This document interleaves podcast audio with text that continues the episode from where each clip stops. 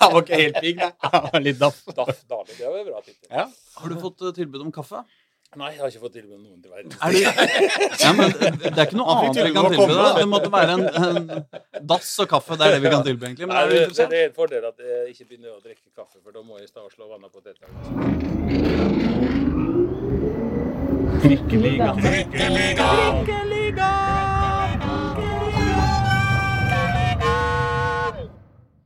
Mine damer og herrer og andre, velkommen til Trikkeligaen, Dagsavisens eminente podkast om Oslo-fotball med meg, Aslak Borgersrud, deg, Håkon Thon, Yes! og deg, Reidar Solli. Veldig hyggelig. Hei, hei, hei. Sammen er det partystemning i dag. Eh, ikke minst fordi vi skal ha en eh, gjest eh, som eh, jeg har gleda meg veldig til at skal komme. Jeg tror det blir spennende. Vi skal nemlig få Kjetil Siem eh, vandrende inn dørene her eh, på, i Grubbegata. Eh, Så vi skal prate med han straks. Og så, etter at vi har prata med han, så kommer vi tilbake, eh, vi tre, da. Og snakker om resten av runden. Høres det ut som en plan, mine herrer? Veldig god plan. Som Nei, alltid. jeg er ikke med på det. Jo Kan du da, forlate- okay, ok, da, kan da kan du forlate arenaen. Nei, da blir jeg heller med. Ok. Oh, ok. Ja, men Da sier vi det sånn, og så slipper vi til Kjetil Siem.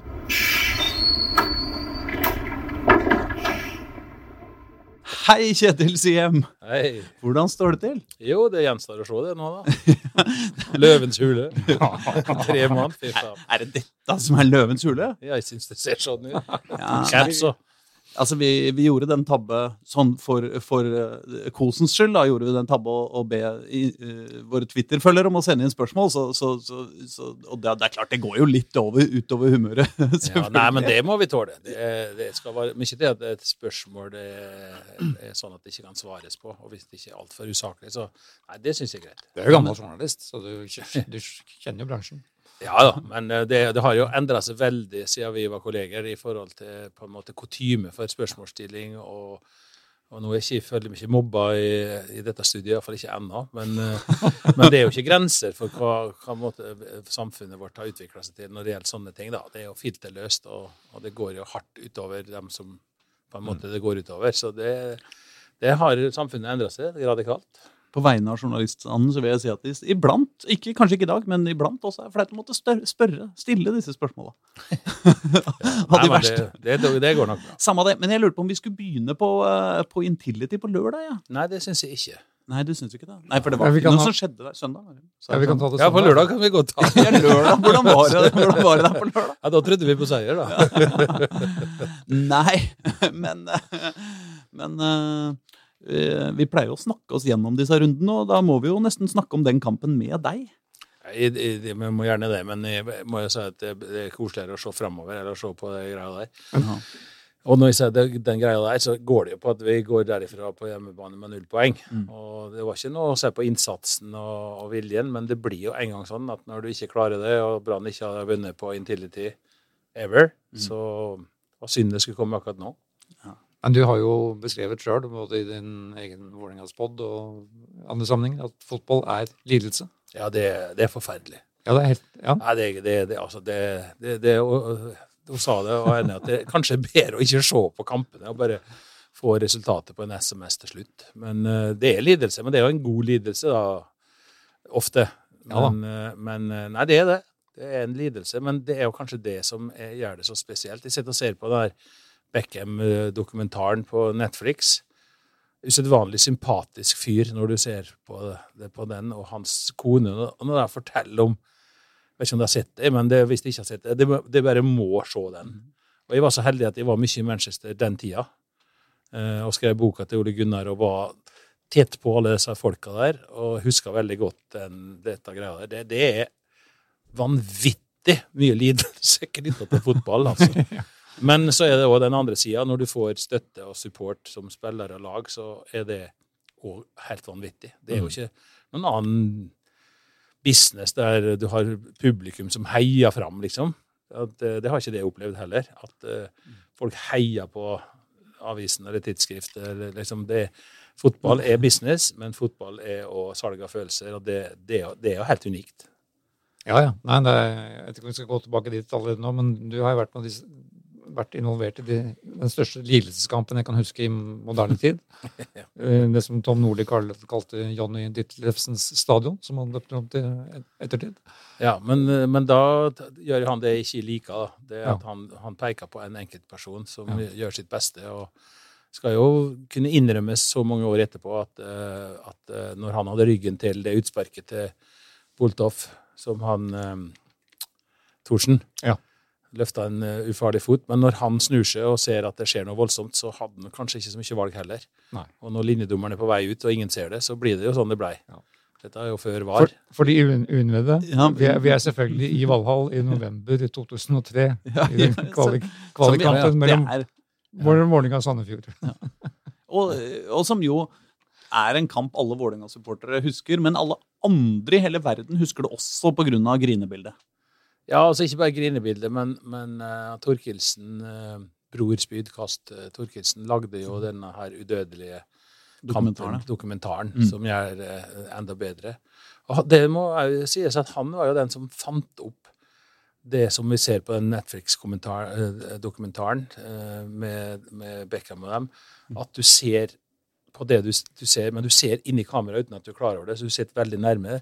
Du får en sånn veldig kul måte å å følge det på. Det fantastisk, for da ser du, når Beckham i dette tilfellet ser på bilder av seg sjøl, så glemmer han at han blir filma, han ser på det, Ja. og så smiler han på en sånn ja, Veldig kult, altså. Og det er jo der eh, og og alle som ser på det, om det, om det er Freddy eller jeg eller Reka eller Peter Myhre eller hvem det er, mm. når de ser disse bildene fra, fra den kampen, så begynner alle å få gåsehud eller tårer. Altså, det, det er umulig å se det. Jeg kan prate om det, men ser jeg det, så kommer det bare.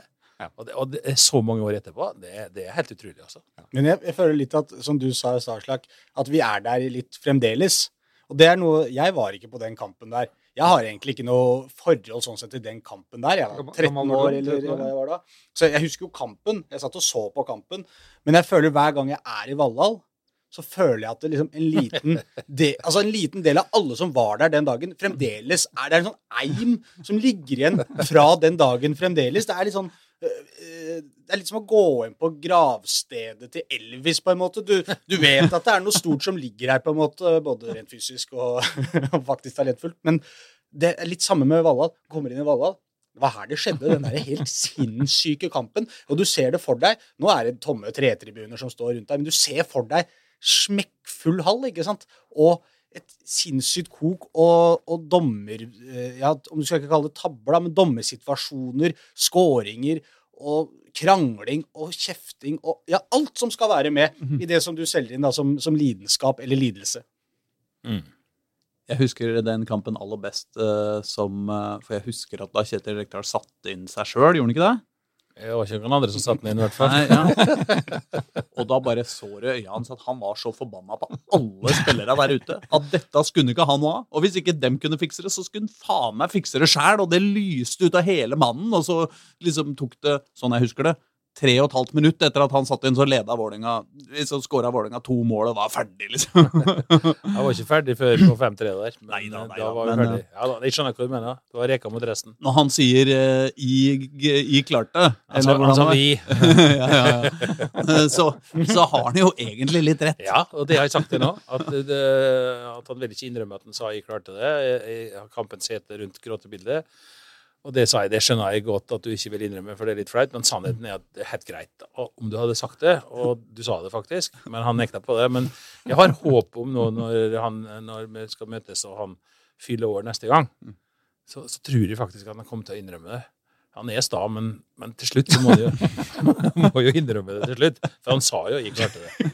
Rund- Runder han over snart? Mm. Han runder kanskje året snart? Han er blitt rund, ja. Ja, det har han, definitivt blitt. Det skal vi følge med på neste jubileum. Ja. Kjetil.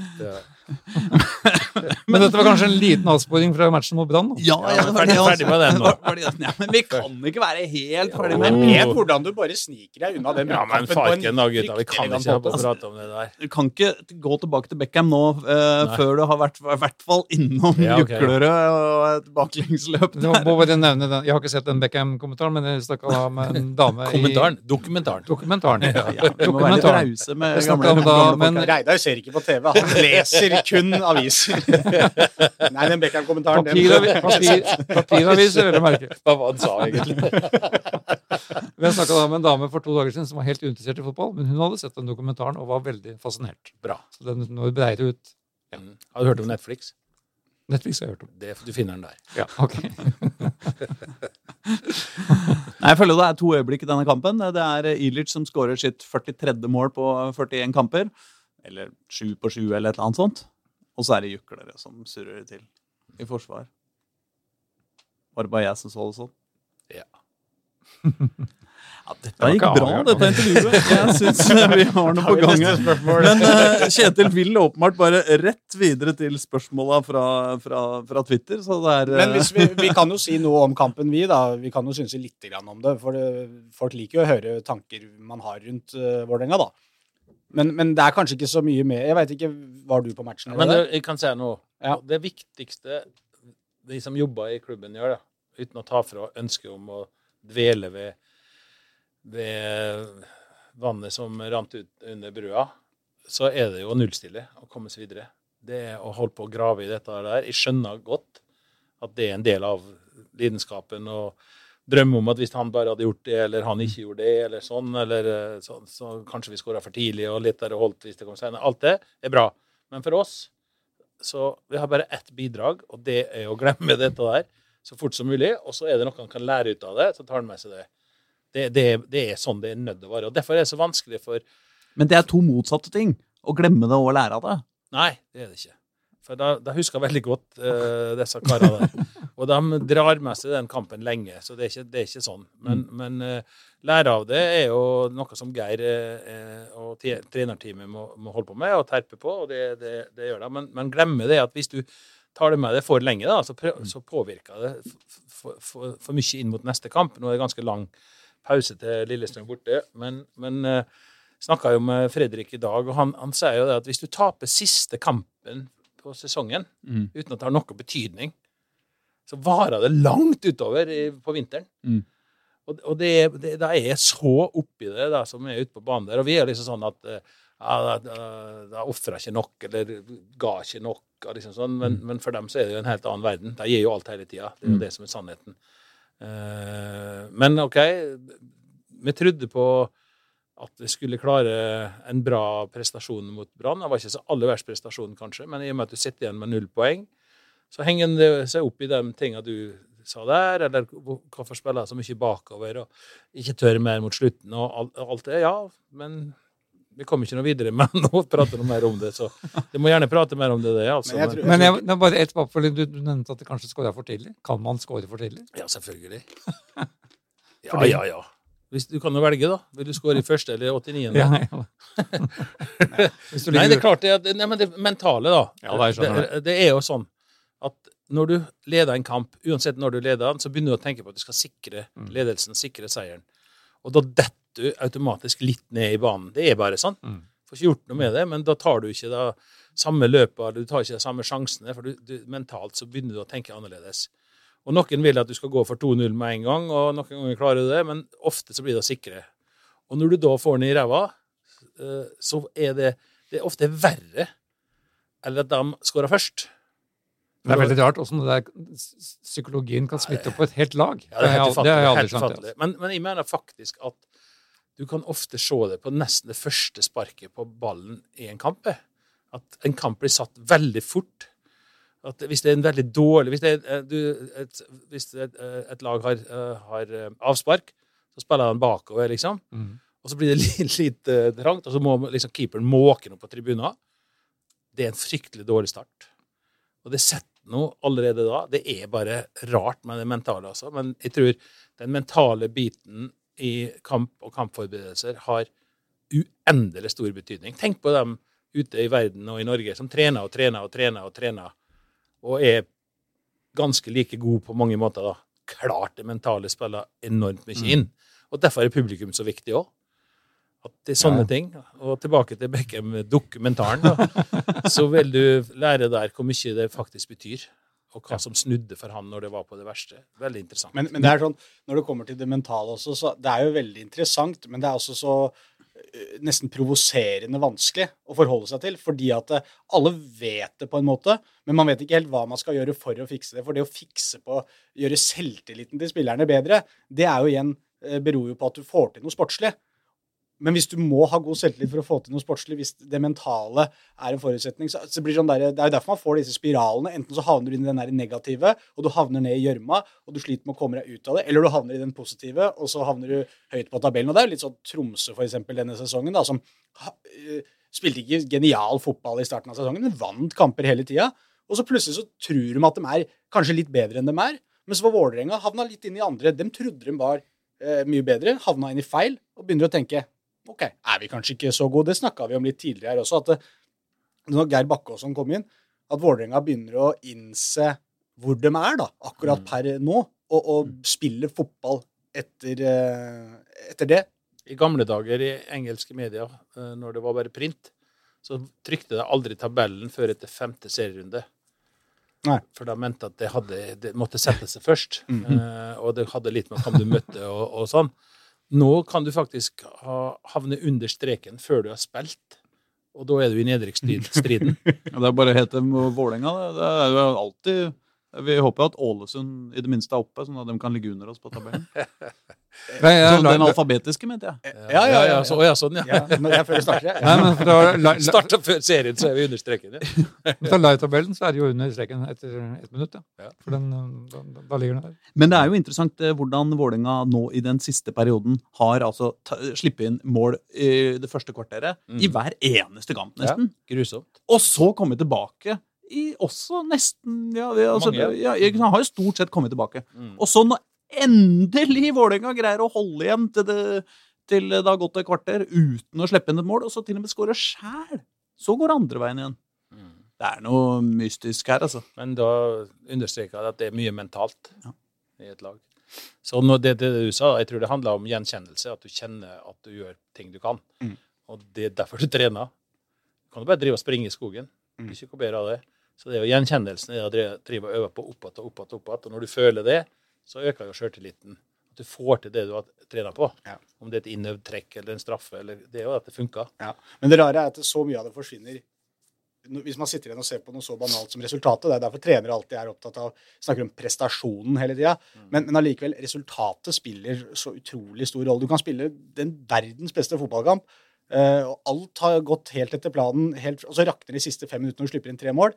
Så er det det du sitter igjen med, at det egentlig var alt bortkasta. Det er som å være sammen med en dame i, i ti år, ikke sant. Og det har gått dritbra, og så skjærer det seg e- ett år der, og så må dere gå fra hverandre. Og så føler du at de ti åra der, de var jo Kasta jeg de bort nå, eller? ja, det er jo Lillestrøm Start. Var et bra eksempel på det du, du tar Ja, der. ja. Mm. Men eh, du er opptatt av å se framover. ja prøv... det er jo to vanvittige kamper som kommer, da. Ja. Først Lillestrøm borte, og så Rosenborg eh, på Intility. Mm.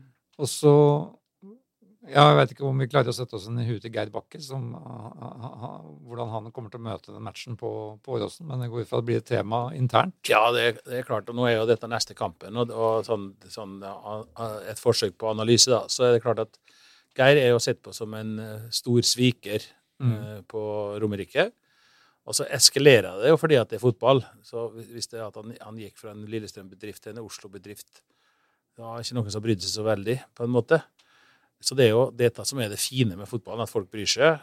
Og så blir det jo litt sånn tabloisert og satt litt på spissen, og, og det i media liker den konflikten. Veldig forståelig. Så det blir på en måte haussa opp. Jeg tror jeg skal være glad for at det ikke var serierunden etterpå at den kampen var på, som kommer nå. Etter at den gikk i Ja, Hvis det, at det var neste kampen, det, det tror jeg kunne blitt eh, ekkelt. Da burde den kanskje holdt seg unna.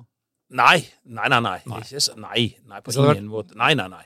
Ikke sånn. Men altså, da, da Nå har jo det, det liksom Sjøl om eh, det går mye rykter om hva de har lyst til å gjøre for å, å liksom drite ut Geir og, og spotte han, som, eh, som er greit, så lenge det ikke er noe voldelig eller ulovlig, eller du bruker knallskudd eller raketter og skyter på folk og sånn, så tåler jo fotballen mye sånn type ja, kaller det aggresjon, da, verbal aggresjon. Det skulle bare mangle. Det er jo helt greit. Så det handler jo om hvordan vi som klubb forsvarer han. Så Ja. dette er faktisk ikke en vanlig Lillestrøm-Vålerenga-derby. Det er noe mer. Det har en dimensjon til. For nå må vi som eh, klubb og supportere, og ikke minst spillere, vi skal jo dit og forsvare han. Det er jo ikke bare Vålerenga-logoen og Vålerenga-klubben og historien i derbyet. Det er en personlig sak, et helt spesielt element inni der, og det er Geir. Mm. Så spilleren skal jo liksom være ryggen hans og fronte han her. Så dette blir jo en av de beste kampene i forhold til hva en kamp kan bety.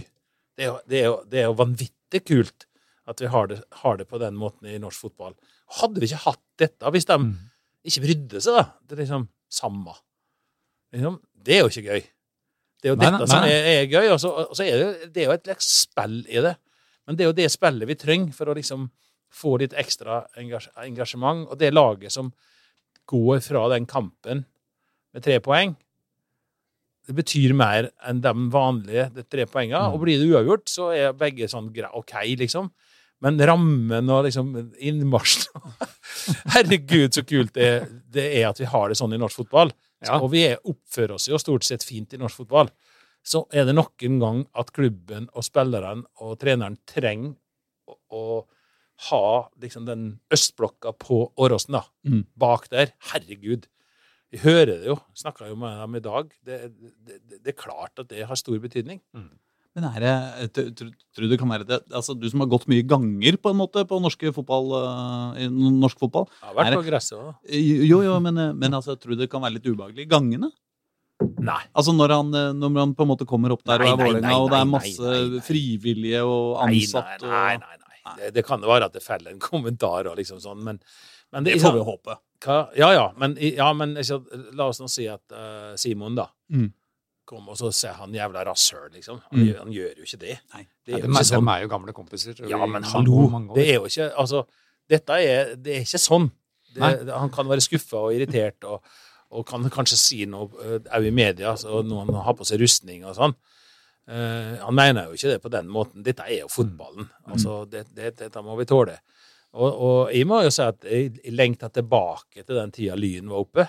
Mm. For det var fantastisk artig når øst og vest møttes på Ullevål. Herregud. Det eneste var synd at Vålerenga klarte aldri å vinne.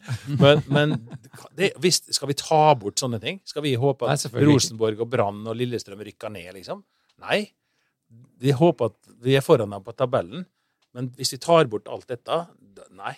Dette er det vi elsker. Det er jo det jeg har sagt litt før, og jeg mistenker Vålerenga-supportere. Det er jo ingen Vålerenga-supportere som høyt går ut og sier at vi håper Lyn kommer tilbake til Eliteserien.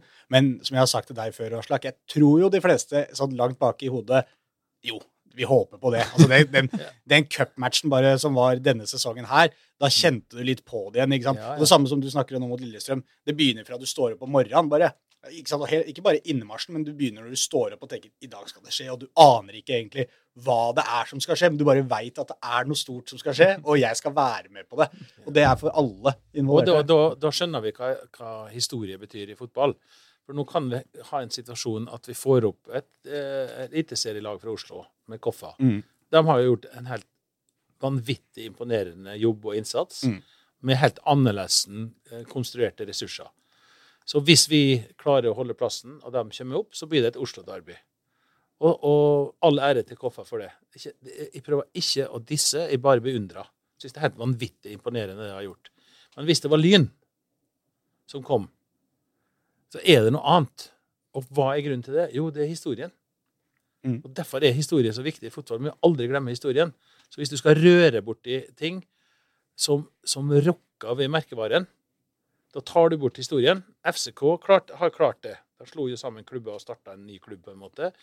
Men det å tenke at du skulle slå sammen Vålerenga og Lyn, det hadde ikke gått her. Så jeg håper at de kommer tilbake. Og, og rett og slett fordi at det vil øke interessen, og vi får mer fart i Oslo-fotballen. og det er det vi må, og det betyr ikke at jeg ikke håper at Skeid eller Koffa skal klare det, men det er historien. Men det ufattelige dilemmaet i fotball er jo at vi ønsker å vinne 5-0 alle kampene. Men likevel så ikke sant? Hvis vi hadde knust Sandefjord over to kamper den gangen i 2000 og når det var ikke sant? Ja, ja, ja. Eh, 5-0 i hver kamp, hvilket vi jo burde, selvfølgelig. Fordi vi burde jo være uendelig mye bedre enn dem. ikke sant? Så hadde det jo ikke vært noen minner. Men det var jo litt, det var jo litt kult når Lillestrøm rykka ned òg. Må jeg innrømme at det er en av mine aller beste venner. Bare, spør han. Jo, men, ja, men det er, det, det, det, du, du syns det er kult med Derby, men det er liksom den smerten de er utsatt for på den måten, det, det gjør litt godt på en måte. da. Du, du, ja, men det blir jo sånn. Og, og en av mine aller beste venner, han er på min alder og går på alle hjemmekamper. Og da visste jeg jo at han sto der med sønnen sin, som er bestekompis med min sønn igjen. Og vi er jo da Vålerenga og dem er Lillestrøm, så der er det mye imellom. Men vi er veldig gode venner. Så da tenkte jeg, hvordan skal jeg mobbe han nå? Ja. Rett etterpå. Når jeg visste at nå er han helt knekt. Og da sendte jeg Jeg var veldig fornøyd sjøl, Da sendte jeg han et sånn elektronisk innmeldingsskjema til Obos. ja, ikke sant? Og det er den eneste SMS-en jeg har kjent han i, i, i, i 25 år. Den eneste SMS-en han aldri har svart på. Og da har du innrømt i ettertid at han blei så forbanna når han fikk den. Så ikke humoren. Det, det er jo sånn det, fotball skal være, mener jeg da. Ja, og det, og, det, og det der er jo igjen da tilbake, tilbake til historien. da, ikke sant? Man har sånne opplevelser supportere imellom. Mm. Eh, man har, man veit akkurat hvordan det er å stå på den vinnende sida. Hvor deilig det er å sende et elektronisk innmeldingsskjema til førstedivisjon til kameraten din. Og du vil ikke være den som mottar den dritten der. ikke sant? Du har så lyst til å være på topp av den der. Og vi har snakka om før, og når KFUM, Skeid, Grorud alle disse som har vært nå i førstedivisjon, hvorfor er det ikke flere folk på disse kampene? Og da har jo vi også snakka om det, at det er ikke noe historie der, og det må man bare respektere. De er i ferd med å bygge en historie, og det, det er der de er i løypa nå. Hvis Skeid og Koffa hadde møtt hverandre i 30 sesonger på rad i Obos-ligaen, så er det klart det hadde begynt å komme litt flere folk Ja. etter hvert, fordi at de har ting å se tilbake på, ting som irriterer dem med det andre laget. Ting blir satt på spissen. Eh, rene usannheter kan liksom dukke opp fordi at folk slenger litt med leppa her og der. Du veit ikke Hater de oss virkelig så mye der borte? Ok, men da hater vi dem litt mer enn vi egentlig trodde vi gjorde også, og så bygger man den, den der. Men, men den kommer jo ikke i løpet Fordi at to Oslo-lag møtes til, eh, til match, så blir jo ikke det nødvendigvis et hatoppgjør når det er kamp én eller to i historien. Jeg skal jo hilse deg, da, for jeg hadde jeg nettopp vært på en bursdagskaffe med Jan Halvor, Halvorsen. Oh, ja. Eh, Han får jo Lyn opp i Obos-ligaen, får vi Ja. håpe. Ja. Det kan i verste fall møtes der neste år. Ja. Men vi får håpe at det tar litt Det litt lengre ikke, tid. nei, det er ikke der vi har lyst til å ha det Derby. Men jeg lurer på om vi skal uh, get to, to the gritty yeah. Details, holdt jeg på å si. Um, for vi har fått en masse spørsmål, og uh, et av dem er Altså, du er jo ny styreleder i, uh, i uh, Vålerenga fotball ASA. Vålinga AS. A, uh, unnskyld, AS. Uh, hvilket betyr at du er Trøimsmann, Ja, uh, og, men også arbeidende. ja. og det er litt annerledes enn en vanlig styreleder. Ja, det kan du si. Det er ikke noe som heter arbeidende, egentlig. eh, Men det er jo det det er i praksis, da. Og eh, det som er litt av greia, da, Traumsmann Mm. Er du Traumsmann eller er du Vålerengasmann? Det er jo Vålerengasmann. Mm. Og det er jo Tor Olav Trøim òg. Er jo Vålerengasmann. Han har jo lagt enorme ressurser inn i det. Mm. Eh, og så er det jo da, eh, forståelig nok, og jo Tor Olavs ønske, at Vålerenga kan stå på egne bein. Og at eh, avtalen går ut i 2028, og hans genuine ønske er at da kan dette leveres til klubben og bli en medlemsstyrt eh, klubb. I dag er det en komplett umulighet. Mm. Så han er helt avhengig av eh, sine penger. Så ja, jeg er Tor i den forstand at de skal forvalte hans ressurser inn i aksjeselskapet, som da har en samarbeidsavtale med eliteklubben. Det er to klubber i Vålerenga, det er mange som ikke vet, men det, det er en klubb som huser bredden og dame A. Og så er det en klubb som huser herre A og, og rekrutt herre. Mm. Det er en mye mindre klubb, med to lag bare. Mm. Eh, Men de har de største kommersielle verdiene. Det har klubben solgt til Tor Olav mot at han gjennom sitt selskap som heter Magnisport, er eneaksjonær i det AS-et og tar opp regninga på alt som klubben og aksjeselskapet blir enige om. Mm. Og Det kan være f.eks. kjøp av Ilic, som koster penger. Mm. Da har ikke klubben de pengene, og skal han kjøpes, så må noen betale. Og Da kan du ta opp lån, og da går du fort eh, i rød sone, og da må du kanskje rykke ned i sjette divisjon. Mm. Alternativ to det er at han gjør det, da. Og det har han gjort eh, med de to siste, eller tre siste. Så han har tatt på seg den forpliktelsen, for han har lyst å få det til å levere dette til klubben i 2028. Det er ønskemålet til Men det er liksom di- di- din, det er, din eh, Det er liksom kartet du styrer etter nå, er hvordan skal skal Vålerenga bli en medlemsstyrt klubb fra 2028? Ja, hvis, hvis det skal være mulig, så er Vålerenga på de fem åra det er snakk om, da, til Mm. 2028, nødt å uh, klare å, å, å ha en viss suksess. Mm. både sportslig og økonomisk. Og det er ikke så veldig vanskelig uh, det, Jo, det er vanskelig få, det, det, Ja, men altså, det er ikke så vans, veldig vanskelig å fortelle hva som skal til. Mm. Det er veldig vanskelig å få det til. Mm. Men, men det er bare to måter det egentlig kan skje på. Mm. Eh, fordi at om vi selger ut stadion hver gang, så hjelper det veldig på. Om vi øker sponsorbudsjettet med 30-40 eller 50% så hjelper det veldig på. Mm. Men det er store penger som kan gjøre dette mulig. Mm. Det er to ting. Nå kan du få lov å gjette hva det er. Sjampinjongligaen. Ja, men det, for, det, det kan vi liksom ikke ha i, i, i planen at vi skal til Champions League. Nei. Det er dem som lager sånne visjoner, de må finne på noe annet. Det er jo spillersalg, da. Der har du det, og så er det Europa. Mm. For, og hadde vi klart å slå Bodø-Glimt i den semifinalen, som ikke var så avskrekkende langt unna Det var en kamp til, da, men da har du en one-off playoff nesten da, mot uh, Molle i cupfinalen. Og hadde vi da vunnet den, Mm. da tapte vi semien, men det, da viser jeg hvor nærme det er. Da er du i Europa. Og med å vinne cupen i Norge og gå inn i, i Europaligaen, så er det vanskelig å ikke kunne komme ut med en sånn mellom 60 og 100. Og da er du allerede øka sjansen for at du klarer å komme topp tre eller cupen neste år igjen. Og det er sånn det, er det Molle og Bodø-Glimt har gjort en vanvittig jobb med å etablere seg der. Men klarer du å henge inni der Molle har jo fått masse økonomisk hjelp fra Røkke, men Bodø-Glimt har ikke det heller. Så de har bygd det på sin måte. Og fått lov å bygge litt mer i fred, eller kan Vålerenga gjøre, for det hadde lite forventninger. Vålerenga har alltid forventninger Mm. som du skaper sjøl òg, da. Men, men det er det. Du må enten få opp et talent så du kan selge, og nå er det ikke sånn at du selger for 3 og 5 millioner. Nå snakker vi om over 100, hvis det er bra nok. Kanskje 200 millioner. Hvis du legger det inn i budsjettet, så dobler du budsjettet, og da har du råd til en Ilic til. Men, hvis, men, men Vålerenga nå har jo solgt en del spillere de siste sesongene for eh, en god eh, dose penger. Eh, de har ikke kommet seg til Europa. Men, og, og det er jo ikke noe man egentlig kan forvente at man gjør hver eneste sesong Nei. heller.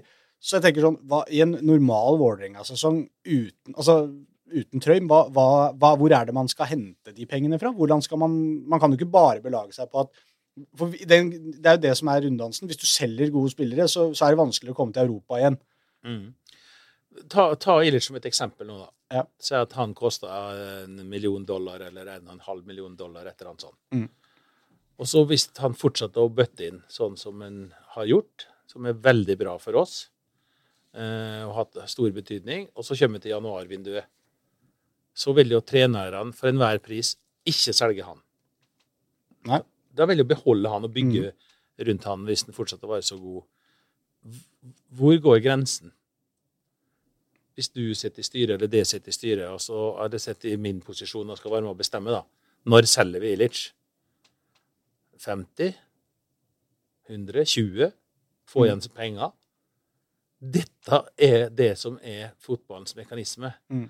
Og da kan du si at OK, vi bestemmer oss for at vi har en prislapp på han på 70, da. Mm. Vi har sju ganger prisen på et halvt år. Det må være bra, vel? Slags annen aksjehandel klarer du det på? Men hvis du gjør det, så må du erstatte. Og da skal du da ta sjansen på at du finner en som er mye billigere, da. Som skal levere det samme. Og dette er dilemmaet. Ja, og det er der nøkkelen ligger, å spille i logistikken. Ja. At du da har en spiss allerede nærmest klar. Ok, Ja. Hvis han går Vi har sett oss ut at han her, en 20-åring, han ser jævlig lovende ut. Ja. Han er klar, og kanskje allerede henta til klubben, kanskje allerede spilt en del minutter. Ja, men hadde det nå enda vært så enkelt som det der. Skal jeg gi deg et eksempel? Men er det ikke det som er litt nøkkelen? Jo, jo, men kan jeg få lov å gi deg et eksempel, Ja. da? Husker du Daniel Fredheim Holm, nå assistent på Koffa? Ja. Han var spiller. Mm. Han spilte i Vålerenga, kom fra Skeid. Ja. Han hadde navnebror. Mm, I Skeid. Thomas. Nei, navnebror. Nei, navnebror. Daniel Bråten. Riktig. Så Daniel Bråten ønska vi til Vålerenga. Ja. Og jeg trodde at vi hadde den. Jeg hadde snakka med han. Jeg skal ikke arrestere Daniel, han gjorde ikke noe galt. Eh, Men det er helt vanlig at agenten rir to hester. Den andre hesten heter Rosenborg. Vi var helt sikre på at vi hadde han. Og hadde vi hatt den, så hadde vi vært superhappy. Så stenger vinduet klokka tolv. Kvart på tolv så får vi beskjed om at eh, han går til en annen klubb. Da har du ett kvarter på det til å hente en annen.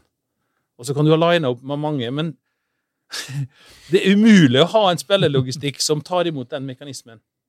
Så, så da må du òg ri flere hester. Og hvor mange skal du ri samtidig før du blir useriøs i forhold til spilleren og agenten og den selgende klubb. Dette er det som er det vanskeligste i fotball. Det å klare akkurat dette, dette her. Og nå gjorde Vålerenga med eh, Jokke i spissen en kjempejobb, som fikk tak i Ilic. Men det var ikke sånn at han var klar i to måneder før og liksom sånn. For Kaiserslautern lukta på han, for eksempel. Da. Mm. Og da vil jo automatisk folka rundt han vente så lenge som mulig. For at de har mer lyst til å spille i Bundesliga eller Sveite Bundesliga enn i Vålerenga. Naturlig. Mer penger, alt er bedre. Eh, Det må vi bare akseptere, at, at Eliteserien er ikke øverst. Og i og med at du aldri veit det, så må du ha noe annet Så du holder på med parallelt. Mm. Og det kan være en eh, spiss fra Sandefjord, eller no, hva som helst. Men da setter du i gang med dem, akkurat det samme. Og dette foregår hele tida. Altså akkurat nå er det litt sånn rolig. Men du kommer til januar, da, og nå kan vi ikke planlegge, for nå er vi ikke sikre om vi er oppe eller nede. Og det er to veldig forskjellige ting Mm. i planleggingsfasen. Mens andre som er helt sikre, de kan planlegge nå og begynne å lage avtaler, for nå kan du lage avtaler med spillere. Dette er det vanskeligste i fotball. Og det er så lett for folk utafor å si ja, det er helt ufattelig at de ikke bare kjøper han eller henter han. eller Det er ikke så enkelt. Det er veldig sammensatt. Og det, er, det går i mye med agenter og mye med andre klubber, inn- og utland og sånn. Men eh, jeg syns Jokke og Geir og trenerteamet har gjort en kjempejobb i kartlegginga inn i dette vinduet. Men en kan jo bli skadd, det er ikke råd å vite. Men jeg, jeg, det er ett spørsmål jeg sitter igjen med fra den historien. Mm. Hva skjedde i det kvarteret? Fant man, var det da man kjøpte Daniel Fredheim Holm? Nei! Vi snakka om Daniel Bråten. jeg. Ja, jeg veit det, men du begynte Daniel Fredheim Holm han var, han var kvarteret? signert og ferdig. Ja, Men vi prøvde å kjøpe begge. for Ja, det ja. skjedde, var det. Ja, Men hva, du hva Dan... gjorde du når du mista Daniel Bråten? Ja. Gråt, og så var det for seint. Ja, ja, ja, det var ikke noe. Så ringte Rune Bratseth, som, som da var sportsdirektør i, i Rosenborg, som var den som ringte og jo ga okay. Beskjed. Og vi er jo så nær at han var jo min forlover når jeg gifta meg. Mm. Så jeg bare ringte til henne og bare Nei, jeg skjelte ikke ut, men, eh, jeg skal ikke banne helt til han, men, men eh, det var bare nå, liksom. Nå er jeg så sint. Men sånn er det. Og jeg ringte Daniel òg, og, og, jeg har jo altså, erta jo han mange ganger etterpå at herregud, så dum du var som gikk dit. Du skulle jo selvfølgelig komme til Vålerenga. Men bare, dette var bare et eksempel. Jeg er ikke sur på noen. jeg. Dette er helt vanlig. Men det er så lett å tro at det er så enkelt. Men Mm. dette er veldig vanskelig. Daniel kom vel truslene nærmest frivillig da, 10-15 år etterpå. 10-15 kilo. ja, det også. Nå er han snekker. Nyutdanna snekker. Ja, det er kult. Ja, det er Nei, kult. Daniel er en kjempefyr. Altså, alle fotballspillere, med veldig få unntak, er veldig fine mennesker. Det skal vi ikke glemme. Men, men sånn, hvor Vålerenga da skal stå uten, uten Trøim om fem år, da, er man da liksom helt avhengig av at man treffer på overgangsvinduene hver eneste gang? da, Sånn at man får inn penger for salg og kan hente nye hele tida? Skal dette gå? Uh, nå vet jeg ikke og, og, om Tor Olav kan tenkes å varme videre. Ja da, men hvis vi Ja, bruker jeg 28 som bare- et scenario, da. Ja, ja, det det jeg skal prøve å forklare. At, eh, at det kan jo være at, eh, at, at klubben ikke er klar for det, og at da ber Tor Olav om å fortsette. Det er jo en, et scenario. Men la oss nå si at det skal være full stopp, og at du, at du skal greie å leve bærekraftig, da. Så må du på de fem åra ha opparbeidet en egenkapital i hvert fall på 100 millioner. Mm. Og hvis du ikke har det, da må du legge om alle ambisjonsnivå. Mm. Da, da tar ting uendelig mye lengre tid. Eh, og, og så sier alle 100 millioner på fem år, det er jo umulig. Nei, det er faktisk ikke det. Men du får det ikke med å øke sponsorbudsjettet alene. Du må treffe på enten å komme deg til Europa i løpet av de åra, Mm. eller få til ett eller to spillersalg som er av den sjeldne sorten. Men er det ikke Derfor sånn at hvis man eh, selger eh, Hvis eh, Sidi Yatta gikk for 150 millioner, da, la oss si det for kosens skyld, han er jo åpenbart verdt det. Ja. Eh, I hvert fall for meg, da. Fantastisk. Mm. eh, vil ikke da de penga havne i AS-et og ikke i klubben? Nei, Det kommer jo litt an på hvordan han ser på det. I dette tilfellet ingenting. Så når han ble solgt, så, så, så blir det jo brukt. Ja, ja, For det går inn i budsjettet for 2023, liksom? Ja, ja, ja. Det Eller er hente liksom, så, eller Mm. hente andre spillere Mm. og, og, og få balanse i, i, i, i budsjettet. Så dette er jo ikke noe enkel oppgave, det vi snakker om nå. Mm. Men skal det gå, så går det jo an å tenke mange andre Hadde et møte nå rett før jeg kom, kom hit, eh, der eh, klubb og stadion og, og elite snakka om skal vi prøve å gjøre no, noe med to av hjørnene som er åpne, som Mm. ikke en hadde råd til. Mm. Hvis en treffer på noe sånt, Hva da, Å gjøre noe med dem? hjørnene.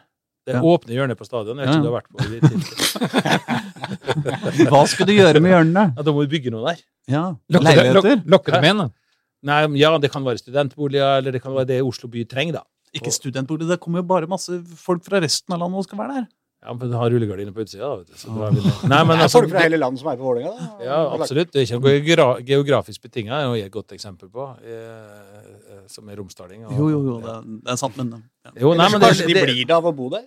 Ja, men altså te- Drømmen for mange vil være ja, men da må vi ha hell rundt stadion og føl- følelsen og sånn. Men da går det iallfall ikke opp. Så, så, så da må du da se er, Hva er den økonomiske modellen som gjør at elite får muskler til å øke sjansen for å klare det i 2028? Så hvis vi da legger en femårsplan på den der, Mm. og vi kan si at vi, det var eh, Studentsamskipnaden som var interessert i å ha det som Oslo trenger, da, Mm. studentboliger, og det var mulig med en omregulering, og, og de lagde en 50-års leieavtale, Mm. da har du plutselig økonomi som gjør at du kan øke sjansen for å klare det i 2028. Det, Mm. det, det er ett eksempel Mm. hva du kan gjøre. Er det sånne ting du sitter og jobber med? Ja, det må, det må jo det. Mm. Jo, men fordi, fordi at hvis Sidiata blir solgt for 150 millioner, da går ikke penga til klubben. Var det riktig oppfatta? Ja, det, kommer, det kommer jo liksom an på da, hvis det at du hadde Hvis vi ikke hadde solgt han, da, Ja. så hadde vi henta de spillerne vi hadde henta nå. Eh, eh, ta da tre Ja, ja. åpenbare, da. Det hadde blitt minus. Ja, Mm. og da er det jo sånn at dette henger jo sammen. Mm. Det er jo ikke sånn at Trolav skal sitte i, i, i London og bare pøse inn i klubben, og alt som kommer inn, det skal en annen vei. Mm. Det må jo, han driver jo tross alt et aksjeselskap, men han er jo på minus på ganske mye penger. eh, Godt over 100 millioner. sant? Mm. Men han, jeg synes, opplever han som svært stort Vålerenga-hjerte, og veldig genuin i dette ønsket. Og har lyst til å legge seg inn til aksjeselskapet, det er at vi fikk det til. Mm. Eh, så jeg, jeg opplever eh, det. Og når han tok kontakt med meg da, i forhold til min jobb, som i utgangspunktet ikke var i min tanke i det hele tatt, det var liksom der, men jeg ble veldig trigga av måten han tenkte på. Mm. Uh, og, og hvor lyst han har at alle skal dra i samme retning, at vi skal få til dette her og få Vålerenga opp, opp. Veldig opptatt av talent i Oslo, og at uh, vi skal få fram den ta, eh, talentene. Så, så, så det trigga med at han hadde den, den holdninga, da. Så så det var han som det er han som fikk til dette her? Det er han som kontakta deg? For vi ble jo litt overraska, det var vel midt på sommeren, dette her. Ja, jeg ble jo veldig overraska sjøl, jeg. Ja, ja, for uh, ditt forhold til Vålerenga ved seriestart var vel ganske fjernt? går jeg fra? Ja, nei, altså, jeg var jo da eh, Før jeg kom til Norge, da, så jobba jeg i Fifa og bodde i Sveits, eller pendla til Sveits. Så jeg var i Norge i helgene og, og, og, og bodde der nede. Og så kom det jo pandemi og ble litt sånn rare tilstander. Og så hadde jeg en, en privat, veldig stor tragedie i familien med dødsfall av en datter. Så det å komme til Norge var egentlig eneste ut, utveien, uansett hvordan en snur og vender på det. Og da eh, spurte Olav Sandnes, som er sjefen i TV 2, om jeg kunne tenke meg å, å jobbe for han. Ja. Eh, og da, var, da følte jeg at jeg landa, egentlig. Da hadde jeg vært 20 år i fotballen og hadde opplevd ting som Helt utenkelig, hvis de tenker 20 år tilbake. eh, og syns det har vært med på veldig mye artig. Og da syns de det passet veldig godt. Og trivdes med det. At jeg hadde ingen andre tanke eller å fortsette med det. Eh, og så ringer Tor Olav. Og, og jeg slutta jo i, i Vålerenga etter gullet i 2005, så jeg var litt inn i 2006, i januar 2006, tror jeg. Da begynte jeg i NTF. Før jeg dro til Sør-Afrika. Og, og, og så har jeg truffet Olav på noen kamper, og, og vi har treffes en gang i London. og, og så, har ikke vært mye kontakt, liksom. Eh, men når han ringer, så det, det at han ringte, var liksom helt normalt. Og så prata vi litt, og så sa han at du, kan ikke du Og da var min første reaksjon det var For jeg har jo fått tilbud om å komme tilbake til Sør-Afrika, f.eks., men jeg har alltid tenkt at du har gjort noe, så er jeg liksom ferdig med det. Det, det, det, blir, blir feil å flytte ned igjen dit. Og da var jeg på med mange ganger i Sør-Afrika, og jeg spurte faktisk Irene om skal vi ta noen år til, men hun syntes ikke det var noe fristende. Så det var noe greit.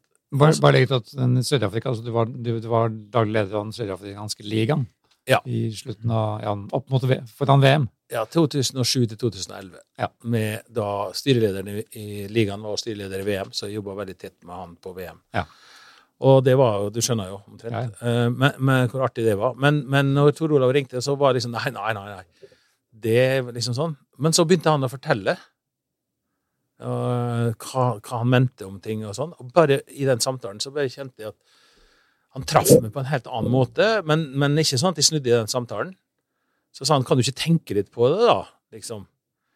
Og da sa jeg jo kan du tenke på det, liksom. Og det hadde jeg ikke sagt hvis ikke det frøet var, var, var sådd. Og så gikk det tre uker, tror jeg, og så ringte han opp igjen. Og da hadde det frøet grodd nok til at uh, jeg var trigga av det. Ja.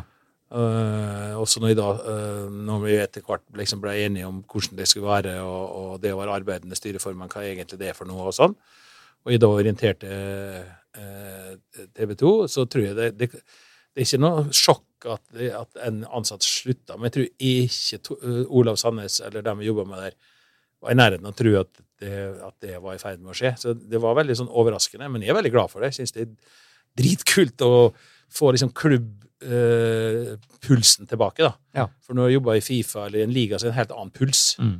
Uh, og det er jo denne her lidelsespulsen som er tilbake, da. Og det er anstrengende, men det er veldig gøy, da. Ja. Du sier at når du, har, når du har gjort ferdig noe, som Sør-Afrika eksempel, så er du på en måte ferdig med det.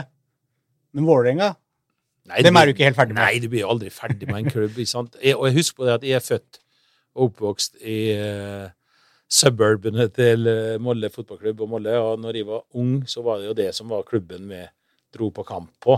Ja. Det var jo liksom å ta to ferger og, og dra til Molle. Det var jo greia. Så flytta jeg hit.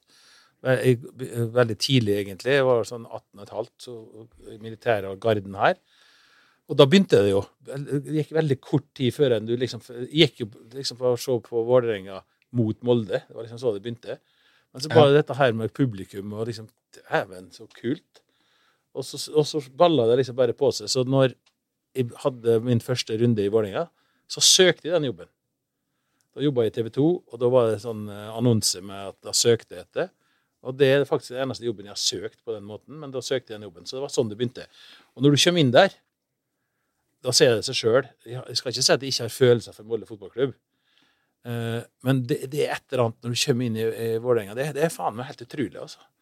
Og hvor det vokser og vokser og vokser. Og det har jeg jo når jeg var, om jeg bodde i Zürich eller bodde i Sør-Afrika. Jeg har følt meg Vålerenga hele tida, selvfølgelig. Ja. Men jeg har gjort veldig lite ut av det. Jeg har gjort det til min greie, bare. Jeg har gått på alle kampene når jeg har vært hjemme, men jeg har ikke liksom gjort Mm. noe ut av det. Ja, for det var jo Jeg vet ikke når du begynte første gang. altså da Når vi skrur tilbake til 2000-tallet. 2000 og, eller, begynte på høsten i 2001, så jeg var med Ja. på cupfinaleseieren eh, på der, Ja. eh, som gjorde at vi trakk eh, Newcastle i Europacupen. Ja. Og så var det en avtale, for jeg kom jo av da fra TV 2, og, og da var jeg sånn mesterskapsansvarlig. Så det var OL i Salt Lake City i 2002. Ja. Så jeg var fem uker der på vinteren der, som var en avtale da jeg begynte. Ja, for du opplevde da hele berg-og-dal-banen med Vålinga i de årene der også? Akkurat som du snakka med. Geir, Geir Bakkom? Ja, men du vet at eh, vi begynte da, og så vant vi cupen, og så er det jo kvaliken. Så, Ja. så, så det er jo egentlig bare en opptur, det. Eh, fordi at du vinner kvaliken. Så hadde vi tapt mot Sandefjord, så hadde det jo vært grusomt, men eh, det, Ja, men det var, jo, det var jo noe panikk i den klubben vei inn, mot- det inn mot den kvaliken. 100% panikk. Det var jo kroken på døra-følelsen fullstendig. ja. Det er Seks minutter før slutt der, så var det ikke så mye høy i hattene på, på folk, for å si det Nei, sånn. og så- blir det da sølv og gull de to på, påfølgende åra. Ja, og det folk har glemt, er at uh, da tjente Vålerenga gode penger. Mm. Og det var liksom sagt at det var kjøpelag og sånn. Det var ikke det i hele tatt. Det var egne tjente penger begge de to åra. Mm. Men uh, vi, må, vi må til spørsmål fra Twitter. Twitteratiet. Uh, la oss begynne enkelt. Jonny Normann Olsen spør ananas på pizza. Ja eller nei? Ananas på pizza? Ja. Som du ser, så bør jeg ikke spise pizza i hele tatt. Men uh, hvis de gjør det, så syns jeg ananas er helt greit. Um, Helt greit. Topp. Er det ja eller nei? Ja, jo da. eh, det? det- Hawaii-pizza, Ja. det har jeg spist. Ja, Jeg gidder ikke gå videre på det, for jeg syns ikke det er så interessant. Men, Nei, altså, nei, nei, men det er eh, hyggelig at helst han helst ikke, helst ikke hermetisk. Ja, Jonny er da leder av Skeid Oksene. Ja. Supporter i gruppa. ja. ja, Han pleier å stille dette spørsmålet, og ingen veit hvorfor. Ja, nei, men det er. Magnus Are på Twitter. uh, for du har jo blitt, eh, du har jo blitt eh, en konkurrent av oss, på en måte. Eller en, eh, hva man skal si. Du har jo begynt å lage podkast oh, ja. med Vålerenga. ja. Og fornya Enga på pod. Eh, og Magnus Are spør eh, Jeg, jeg veit ikke hva som ligger under det spørsmålet, men hvem er pådriveren for Enga på pod 2.0? Vålerenga Fotball AS eller Vålerenga fotball-elite? Det er der han misforstått, heldigvis. Og han heter Magnus, var det det? Ja, ja, Magnus. Ja, Magnus, nå må du høre godt etter. Det er ikke noe forskjell på Vålerenga AS og Vålerenga Elite. Det er Vålerenga. Dette er vi jo selvfølgelig sammen om. Mm. Så i går så var Jokke og Tuva, styrelederen i klubben Elite, Mm. eh, da kalte mine gjester, da. Så det, dette er pådriverne her, det er jo dem som driver Enga på Bodd, og det er jo Vålerenga Elite. Men hvorfor, eh, hvorfor eh, er det det? Det er ikke så vanlig med podkastende styreleder, mener jeg. Nei, det, det er kanskje den eneste som har. Men det er jo arbeidende, ikke sant? arbeidende podkast. Er den gamle journalisten som kommer fra meg? Eh, Det er det nok helt sikkert. Men, men, men si det på denne måten, da. At um, hvis en som driver med podkast i en klubb, Mm. har problemer med å få spillere eller trenere til å stille opp, for da prioriterer de ikke høyt nok, Ja, det, det gjør de. ja. ja. Det er lettere når det er sjefen. Selvfølgelig. Det, Det burde vi teste her. Ja, men det er jo helt umulig å si nei.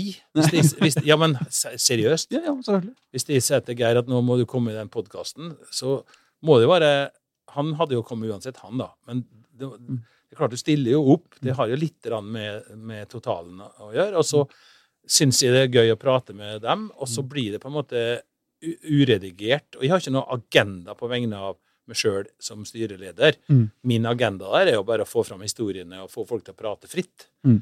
Uh, hadde en utrolig kul en uh, nå som, som uh, Jeg skal ikke røpe, da, men um, ja, det, det, det var en veldig artig samtale i dag. Så jeg føler det at å få folk til å prate fritt, det er litt, litt av greia. Det, det, Hvem var det du hadde i dag? 呃 eh, det får være hemmelig, det, da. Okay. Var det noen som bygger leiligheter Ja, på hjørnet? Nei, nei, nei, nei, nei, nei, nei. Nei, men jeg tenker, vi, vi, vi, hører, vi får jo ikke høre hvor morsomt det var hvis vi bare får vite hvem det var. Ja, får høre på det, vet du. Ja, for, ja men jeg vet ikke hvem det er. Får vi er. flere lyttere? Ja, men jeg vet ikke hvem som kommer. Jokke og Tuva, det var jo forrige, forrige uke, ikke sant? Nei, det var, det var, ja, det var, var nå. Eh, Det, det var, synes jeg var veldig interessant å høre Ja. begge sin betraktning av både roller og i forhold til meg. og liksom sånn. Det er jo bare en åpen samtale. Ja, ja. Så Nei, vi har jo jeg har jo lyst til å ta en, et styremøte i en podd. Sånn at alle får høre på Ja, hva det er egentlig vi snakker om. Ja, det har vært Og morsomt. ufarliggjøre det, det er helt vanlige ting. Det er ingenting. Altså Hvis det er noe som vi ikke kan snakke om, da, så er det en personalsak, da, så trenger en ikke å kringkaste det. Men vi diskuterer egentlig helt sånne Det vi snakker om nå. Ja, ja, nettopp. Det, det, det, og det, så det er ikke farlig, dette her. Uh, Lars Erik Stenersen har faktisk spurt om disse leilighetsryktene rundt Ja, ja. stadion. Ja. Eh, men, og det, Du sa noe om det, men du sa det ikke. Altså, Er det sånn som kommer til å skje? liksom? Nei, nei. Det- altså, hvis det skulle skje, Mm. så må vi jo ha økonomi til å, å, til, til å få det til. Med partnere, da. Mm. Vålerenga eh, har ikke noen snekkere på lager som skal opp og begynne å bygge. Så det vil jo da være aktører som vi har i, i, rundt oss. Mm. Eller nå kommer Construction City rett over Ringveien der. Så må jo høre om Mm. det er bærekraftig, Mm. og om det kan komme igjen noen penger til ikke bare dem som bygger, Mm. men òg dem som eier. Og tomta er jo da eid av Mm. klubben, så det, det vet vi ikke. Men nå ble vi iallfall enige i dag at vi skulle søke et møte eh, for å diskutere dette her. Hvis det skulle bli en realitet, eh, f.eks. med, med studenthybler, da, som Oslo trenger, Mm. så må vi ha eh, en omregulering. Og nå er det jo nytt bystyre her i, i byen. Mm. Og det forrige bystyret var kanskje sett på som Vålerenga-vennlig. Mm -hmm. Det blir spennende å høre om de er Vålerenga-vennlig eh, med et annet eh, politisk utgangspunkt. Mm. Så da får vi invitere deg i podden og, spørre om det. Ta åpent møte der òg. Ja. Ryktene sier at Anne Lindboe var og besøkte Lyn her om dagen, men Ja, men det er, jo- ja, men det er jo lov til. Det er hyggelig, det. Ja, ja. Um, uh, mange har stilt spørsmål knytta til eh, en, en prat du hadde på en av disse mange podkastene du enten var host på eller besøk på. Jeg husker ikke hvilken det var. Mm, mm. Uh, men som uh, uh, ja, Erling for eksempel, Erling Rostvåg skriver Han putta nylig altså du da, putta nylig rasisme, kasting, tagging og ytringer om klubb i samme sekk og insinuerte at disse står i veien for at vi lykkes. Andre har sagt at du Nei, men der bomma Erling. Trekker i samme At du Ja, på en måte ja. krever at alle skal trekke i samme retning. Ja. Nei, men Erling kjenner jo godt. Og han er jo frittalende, og det må alle få lov å være. Eh, men jeg, putter ikke masse ting i en, i en sekk og sier at vi lykkes ikke hvis ikke Mm. sånn. Men det jeg prøvde å si, da Mulig sa det på en veldig klønete måte. Men hvis vi som klubb Mm. må betale ukentlige bøter for ulovlig bruk av effekter, Mm. eller, eller eh, tagging på eh, når, når, når, når- nå er det sånn at hvis vi er på bortekamp, da, Mm. eh, f.eks. på Viking, Mm. og tagger ned en do, Mm. så det er vi, som klubben, som må betale for å fikse det igjen. Viking sender den regninga til oss. Hvis vi på bortekamp Ålesund og Molde tagger ned noe på Domås, så kommer regninga til oss. Mm. Uh, og klubben er jo uskyldig, og klanen også er uskyldig i det. Men det er elementer i Vålerenga-sfæren som gjør at når det er tagga VIF, eller hva det er for noe, eh, så, så slår det negativt ut. Mm. Partnerne våre liker det veldig dårlig òg. Mm. Når du ser historier i lokalavisene som der kanskje en partner har lokalkontor, så liker det veldig dårlig. Mm. Så det jeg prøver å antyde, det er at hvis vi skal stå sammen om ting, Mm. så må vi prøve å bli enige om et kutyme som er bra for klubben og opinionen. Og så brukte jeg Viking som eksempler, som har gått og tatt en sånn eh, gjennomgang på dette og er, er liksom renka som de beste bortesupporterne i forhold til hvordan de oppfører seg I, på banen er, er- eller på tribunen én ting, men til og fra kamp og sånn. Og det som, og Jeg sier ikke at Vålerenga driver med vold, og at det er liksom Vålerenga, men alle sånne ting må vi prøve å unngå. Og det unngår vi best hvis vi enes om at det er ikke bra for klubbens eh, omdømme hvis dette går, kommer ut av kontroll. Så det er ikke et forsøk på å si at du får ikke lov å synge ditt eller datt, eller eh, sånn. Men det, det er elementer av vår sfære som ikke er heldig. Mm. Og det må vi innse alle sammen. Og dette var jo oppe nå i forrige klubbstyremøte, og alle klubbmedlemmene, òg klanrepresentantene, er jo enig i dette her. Mm. At, uh, at vi kan jo ikke ha en klubb der vi fremmer ulovligheter og nedtegging og sier at det er en del av vår kultur. Men det er jo i denne sommeren og høsten har jo vært veldig rar eh, og uvanlig eh, for Vålerenga. Eh, I og med at eh, det har jo på en måte vært supporterkrav, ikke nødvendigvis fra klanen som sådan, men, men fra tribunene, da, om både først Fagermos avgang og så SPSETs avgang. Mm. Eh, og det eh, liksom, Det må jo Det er jo Ja, men vet du hva, det, det, Hva tenker du om det? Nei, jeg syns ikke det er så farlig. Mm. Jeg syns det må være lov. Mm. Eh, så lenge det ikke er mobbing og personsforfølgelse og stygge ting, Mm. som det òg har vært eksempel på. Eh, og, og, og da tar, jeg tar ikke i forsvar det. Jeg tar jo Erik Espeseth i forsvar i forhold til det han ble utsatt for. Mm. Men at folk har meninger om oss som jobber der, eller er trenere eller spillere, det er lov. Men Mm. det er uttrykksformen. Eh, når Dikko er en ung gutt på 18 år da, og får ting som du ut av klubben, eller Du trenger ikke å dra inn rasismekortet heller. Det kan Mm. bare være helt vanlige, stygge ting. Mm. Det er veldig vondt for en ung sjel. Og det er det vi glemmer litt. At i vår iver etter å være redaktører på en måte i, i, i, på vår Twitter, da, så, så kan det skje ting som kan virke uheldig. Og så må vi ha Men det er jo en forskjell, fordi det, det jo, var jo hele østblokka lagde jo bannere mot på, på dagen, mens. SPZ-kampanjen og sånn Ja. var jo på en måte der, der var jo på en måte gruppa østblokka Ja. ganske tydelig. Altså. Det er jo, Men sant, det, det, jeg tror da, i en sånn, og, jeg, og jeg mener at supporteren må få lov å mene at en trener må gå. Mm. Det er noe helt annet med en trener enn en spiller. Mm. For det er en del av greia, liksom. Ja, Men mobbing er liksom noe annet. Men nå har Reka gått fra Rosenborg med mye krav fra kjernen. Mm. Bohinen gikk fra Stabekk med banner imot seg. Og, Mm. og, og, og Dag Eilif gikk fra Vålerenga med det samme. Så du har jo tre i hvert fall, eksempler på det. Jeg tror at supportermakten i norsk fotball har flere årsaker. Én, heldigvis så var supportermakten i Europa vanvittig sterk når det var snakk om Superleague. Mm. Hadde ikke det vært, så kunne det faktisk ha skjedd. Det var, det var The Uprising mm, som, sammen med Uefa-presidenten som gikk til frontalangrep på, eh, på de klubbene og Nå står det helt stille italieneren som leda dette her, og som han var fadder for barna til, til og med. Eh, det, det, det viste at supportermakt, det er reelt. Mm. Og vi må jo, vi må jo innse positivt at supportere er en stakeholder av en fotballklubb. Mm. Vi kan ikke late som at nei, dem skal vi ikke bry oss om. Det må vi bry oss om. Mm. Men du skal ikke ha en supporterstyrt klubb. Da må de supporterne meldes inn i klubben og bli medlemmer og gå den demokratiske veien. Men at de ytrer seg, at nå må treneren gå og sånn, det syns jeg er innafor. Så lenge det ikke blir personforfølgelse og, og regelrett mobbing, da, Mm. det, det syns jeg ikke eh, er bra. Men, men vi kan ikke prøve å si at supporterne skal ikke ha noen mening, selv om det viktigste supporterne gjør, det er å heie på laget sitt, selvfølgelig. Men at de har meninger om ting og tang, det ligger i sakens natur. Det er uttrykksformen som, som kan diskuteres, da.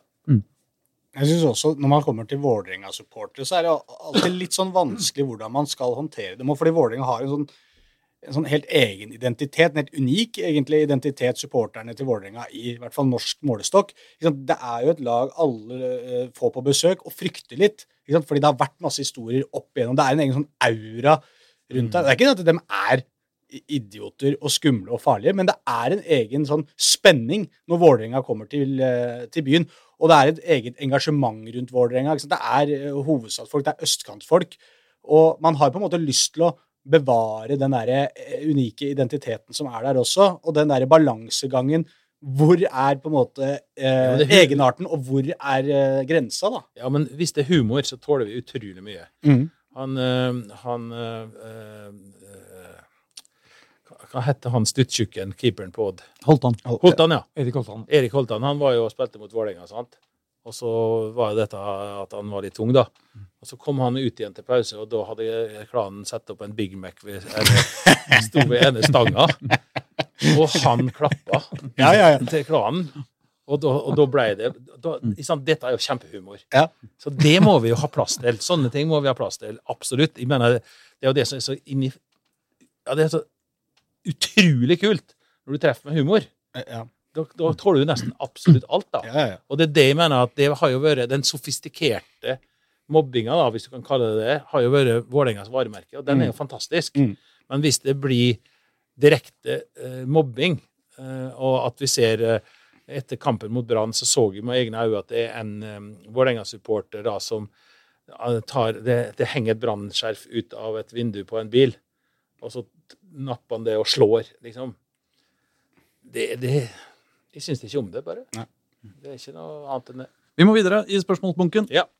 Hvordan Nå kommer vi til veldig, veldig alvorstungt, så nå håper jeg du er konsentrert. Hvordan vil Siem jobbe for å gjenopprette Helsfyr-trikken og forlenge den til Vålerenga stadion? Og når han har fått landet dette, for, fått landet dette, hvordan skal han instruere Aalbu til å presse Ruter til å gi VIF og klansmedlemmer rimelig månedskort? Ja, men den siste liker jeg. Ja. Det mener jeg helt seriøst. Ja, men vet du hva? Det, det er noen sånne rare ting. Så når du skal ut av uh, Intility etter kamp med bil, Mm. så står du bare og stanger. Og så all trafikken skal ut, men pga. lysene så, så skal det òg passere der. Og så, og så da kan jeg bruke Sør-Afrika som eksempel. da. Mm. Etter kampen alltid så sto det politi der og der, og så bare stoppa det andre. og så Rrr, det gikk ti minutter, og så tok det ett minutt på andre, og så, drr, så tømte du det på en veldig kort og effektiv måte. Men hvis du spør politiet om det, så skal de ha overtid, og så skal de stå der, og så spør de om vi kan gjøre det. Nei, jeg får ikke lov. Mm. Så det er noen sånne greier. Og da er jo Alt er lett ja, men det er jo, det er jo alltid noe. Men, men hvis du tenker kollektivt, da, Ja. uten at eh, jeg tror vi, vi kan påvirke at det kommer en trikk opp til Inf- Intility, så er jo. Ja, men Helsfyr er jo ikke langt unna. Nei. Men det at uh, Ruter og liksom Oslo kommune og bærekraft og kollektivt og sånn, er med på det Mm. på kampdag, Mm. det syns jeg. Så det er jeg veldig enig med han at det burde vært sånn. Det burde vært gratis hvis du skulle ta T-banen til Helsfyr på kampdag. Men har Helsfyr-trikken eksistert? Du som er kjent? Ja, det var jo trikk 37-bussen var jo trikk eh, Det var jo trikk oppover eh, Vålerenga. Lurer på om det til og med gikk i Vålerengata. Jeg husker Ja, ikke, ja, men det var det, det, det, hengeren har eh, navnet sitt fra. Hallo, folkens, kan det ikke historien? Kan ikke historien no- godt nok. Nei. Så henger, jo... henger, henger den historien fra, fra Helsfyr-trikken? Ja. Ja, ok. Vet du hvorfor het den hengeren? Jeg Han er vel bakpå, da. jeg trodde det var kle- kleshenger. Eh, Nei, nei, nei. nei. Husker du gamle trikkene? Ja, ja. Ja, husker du at det var en trikk som hang bakpå? ja, ja. Det Kunne var stå, hengeren. kunne stå utapå der. eh, Riktig, og det var der han sto. Ja, ok. Og der skjedde det noe. Jaha. Derfor har jeg hørt en annen, annen, annen versjon. om at han, Nei, nei, men spør han sjøl, da. Ja, ja, det, Han sto bakpå hengeren på hengeren der, på den terrassen, og, Ja, okay. og kosa litt med en kjæreste. Nettopp. Ja, ja. Derfor ble det hengeren. Livsnyteren hengeren. Det, er, det er flott. Det er flott. Et lite sidesprang. Um, Var det det? Sidespor. Sidespor. Sidespor kan Ja, men det var bare kyssing, da. Ja, ja. Det, det var ikke sånn jeg hørte historien. Nei, men det er jo på lufta. Ja, da. Ja. Eh, Det er, derfor den, er- det er derfor han kalles hengeren, vet du. Kjetil eh, Bjørke spør hvordan er Siems forhold til Gianno Infantino i dag? Ja, det var et interessant spørsmål. Jeg var jo da ansatt som strategisk direktør i Fifa Mm. og var med på hans kampanje. Mm. Det var ikke alle som syntes det var like eh, populært. Det kan vi ta en annen gang. Men Mm. Vi hadde et veldig nært forhold, naturlig nok. Mm. Eh, så jeg sitter på eh, presidentens kontor. Mm. Jobba med kall det de store linjene. Eh, VAR, VM i Russland, VM i Qatar, som Mm. er veldig omstridt. Masse sånne interessante ting. Det som er så rart i, Fifa og med Infantina, det er den vanvittige makta som ligger i det kontoret. Mm. Så når han vil, hvis han vil ha et møte med, med, UF, nei, med mm, USA sin president, så er det gjort på én til tre. Mm. Eh, Det, det, det er nesten ikke råd å beskrive det. Altså. Det sier jo noe om eh, Du snakka om supportmakta som stor i, i eh, stad. bo- bo- Både på, på en måte var VM i Qatar og VM i Russland, så, eller vært kanskje ikke i Russland, men både VAR og VM i Qatar har jo vært eh, to saker som, eh, som supporterne stort sett har eh, vært vel veldig imot. Men Ja, eh, når men Infantino er for, så, så Ja. skjer det likevel, liksom. Ja, men VM i Qatar var jo før hans tid. Det var helt uskyldig i det som Mm. skjedde der. Veldig Mm. kort fortalt. Det var at Blatter hadde drøm om at USA og Russland skulle ha da etter hverandre. Mm. Og så et felles LOC, altså en Local Organizing Committee, Mm. som slo sammen Russland og USA. Og så var det et stort fredsprosjekt Ja. på en måte, at fotballen skulle vise at det gikk an at de kunne samarbeide. Det var hans plan. Mm. Det var Platini som torpederte den planen. eh, Med at Sarkozy inviterte han eh, inn og sa at du, du må stemme på Qatar, for da får vi denne våpenavtalen med flyene og, Mm. og det greia der. Mm. Eh, Stygg sak, men sånn var det. Mm. Så der var Infantino helt uskyldig. Mm. VAR skal nå jeg ta på mye av skylda for. Eh, jo, jo, men altså, du sitter jo i den jobben, og jeg mente og mener fortsatt at er det håndtert på rett måte, og du tar med dramaturgien, som er glemt, da. Jeg Mm. mener den er helt glemt. Hva mener du? Ta med dramaturgien? Dramaturgien er glemt. Det som er problemet med VAR, Mm. det er at eh, hvis det er rødt kort, eller det er noe ute på banen, så, så det er eh, selvsagt greit. Mm. Det er ingen som bryr seg om at det er stopp i spillet, for det var noe feil. Eller liksom sånn. Mm. Det er kun på skåringen dette har noe betydning. Mm. Det er ikke noe annet. Og dermed da offside i forhold til scoring. Og hens, kanskje. Ja, men det er med scoring. Mm. Ja, ja, hens i forhold til scoring. Ja, ja, sånn, ja. ja. Det bryr vi oss om, Mm. naturlig nok. Mm. Og da er det sånn at som fan, da, Mm. når Ilic scorer mot Brann, Mm. så det første du ser etter, det er jo Kan det bli stoppa? Så du, tar ikke, du klarer ikke å juble helt før du er 100% sikker på Mm. Og det betyr at du, du må holde litt igjen, da. Mm. Før så var det bare så at linjedommeren sprang bortover, og dommeren pekte, så var det, da var det ferdig. Mm. Og det klarte du i løpet av tre sekunder, så visste du at det blir ikke annullert. Så da kunne du juble uhemma. Det er mange ganger at du jubla, og så var det offside likevel. Liksom. Det er en del av det. Fælt nok bare det. Fælt nok, bare det jævlig irriterende, men det levde vi liksom med. Mm. Og ropte på VAR hele tida, da. Mm. Og så kommer VAR, og så, og så skjer jo det at det tar for lang tid. Mm. Så jeg mener at hvis vi tar tilbake respekten for dramaturgien, Mm. og det er da først og fremst dem som er på stadion, men litt Mm. dem som ser på TV, men Mm. veldig oss som er på stadion. Hvis du sa at det, du får maks tre sekunder, Mm. så målet er skåra, da veit du Mm. at nå går det tre sekunder. Og hvis ikke var kontoret, da, Mm. som sitter oppe med SAS-hotellet der, Ja. Har klart å finne ut i løpet av tre sekunder Mm. om det er noe Mm. feil, så står målet uansett. Mm. Og så viser det seg etterpå at det var tre centimeter eller to millimeter eller what the fuck. Mm. Men so be it. Mm. For hadde det ikke vært var, så måtte han ha bare tatt avgjørelsen der og da uansett. Ja. Og den er nå borte, og jeg tror jo at dommerne dømmer mindre skarpt fordi at de lener seg på var. Mm. Og da er alt feil. Og nå er det feil. Det må vi bare innrømme. Men det har et enormt bra dramaturgisk potensial. Mm. Så hvis du tenker at du som publikummer ser skåringa, Mm. og da må du huske på at det er noen som har skåra imot, som håper på VAR Ja, òg. ja. Da, må du, da, da må du sitte sånn som i bilen. Du må telle de tre sekundene fra Da må bilen du telle, foran og det ser du på Ja. storskjermen og over, overalt. Ja. Én, to, tre. Grønt Mm. skåring. Mm. Rødt sjekkes. Mm. Og så mener jeg at dommeren får ikke lov å se på skjermen i hele tatt. Mm. Han trenger ikke løpe bort dit. Da sitter de med sju skjermer på der, kan se dem. Ja. Og så har de f.eks. 15 sekunder. Mm. Ikke sju minutter eller seks minutter eller to Ja. minutter. Ja. For hvis det er behov for sju minutter, så er det for marginalt. Og da får det bare være. Og da har de, de få sekunder der han og står, og da telles det ned igjen. Mm. Dun, dun, dun, og da er det enten ikke eller. Da bevarer vi dramaturgien. Og kun da. Men de må ha mye mindre tid. Og hvis det er så små marginer, ja vel, da er det ikke det var ikke råd. Så ser du det etterpå og sier å, fy faen, det er for dårlig, og det var jo en millimeter. Ja men det lever vi med. Men vi må dit, for ellers så, så kommer dette her til å bli veldig vanskelig å få videre. For at jeg skjønner publikum så forbarska godt. Jeg kjenner det på det sjøl. Mm. Jeg har så lyst til å juble, men så tør du ikke helt. For at, å, faen! liksom. Men det tar for lang tid. Det er min eh, Men- Men i din drømmeverden eh, vil eh, det, det er kanskje ikke din Men altså i, eh, Vi har jo kunstig intelligens der ute. Vi kan se for oss eh, at dommeren blir, eh, blir forelda. At han blir utkonkurrert av teknisk Ikke sant? At alt blir, blir, blir datamaskiner. Ja, men jeg kan, se, jeg kan se hva jeg mente når vi satt og jobba med VAR Mm. i Fifa. da. Mm. Så mente jeg at den øverste ansvarlige skulle ikke være han på banen. Mm. Det skulle være han som satt Ja. på kontoret.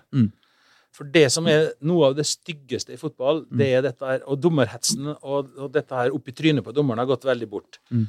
Og i Champions League-finale så kan du leve med det, men du må huske på det. Mm. At det du som skjer på TV på høyeste nivå, det får du igjen i barnefotballen. Og foreldre er Mm. noe av det verste som fins Mm. i barnefotball. Hvilken liga? Nei, tippeliga. Siri var med. Ja, ja, Siri, Siri alltid Solli med. har med Siri, han som ikke har Siri Soli, Hun er nesten med hver episode. Er av Siri. Hvilken liga? Det var bra. Alle liga.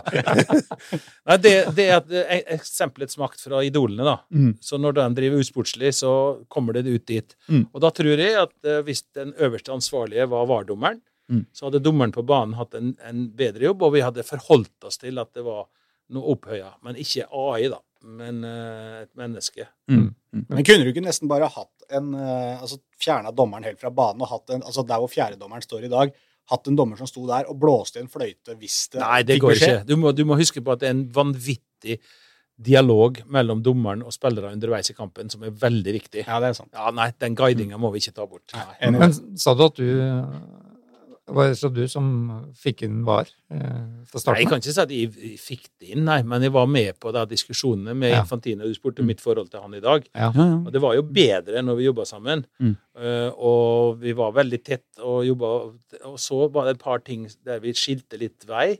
Ja. At eh, jeg mente noe annet enn han. Det er noe normalt. Mm. Eh, men det er jo mange ja-folk rundt, så vi krangla aldri. Men, Mm. men vi var ikke uenige om alt, alt det, og det er jo no, er noe normalt. Men så flytta jeg jo hjem, uh, sånn, så, så hvis de ringer han i dag, så er det ikke noen vonde toner der. Men eh, du, du, du, er ikke på, du er ikke på hytta hans i, i sommeren, liksom? Aldri vært på hytta hans heller. Han har sikkert mange. Jeg vet ikke. Ja, nei, altså Gianni Infantino er på mange måter en veldig hyggelig fyr. Mm. Eh, men makt er en vanskelig sak å bære. Mm. og det å sitte på, øverst på den pyramiden er noe av det aller vanskeligste.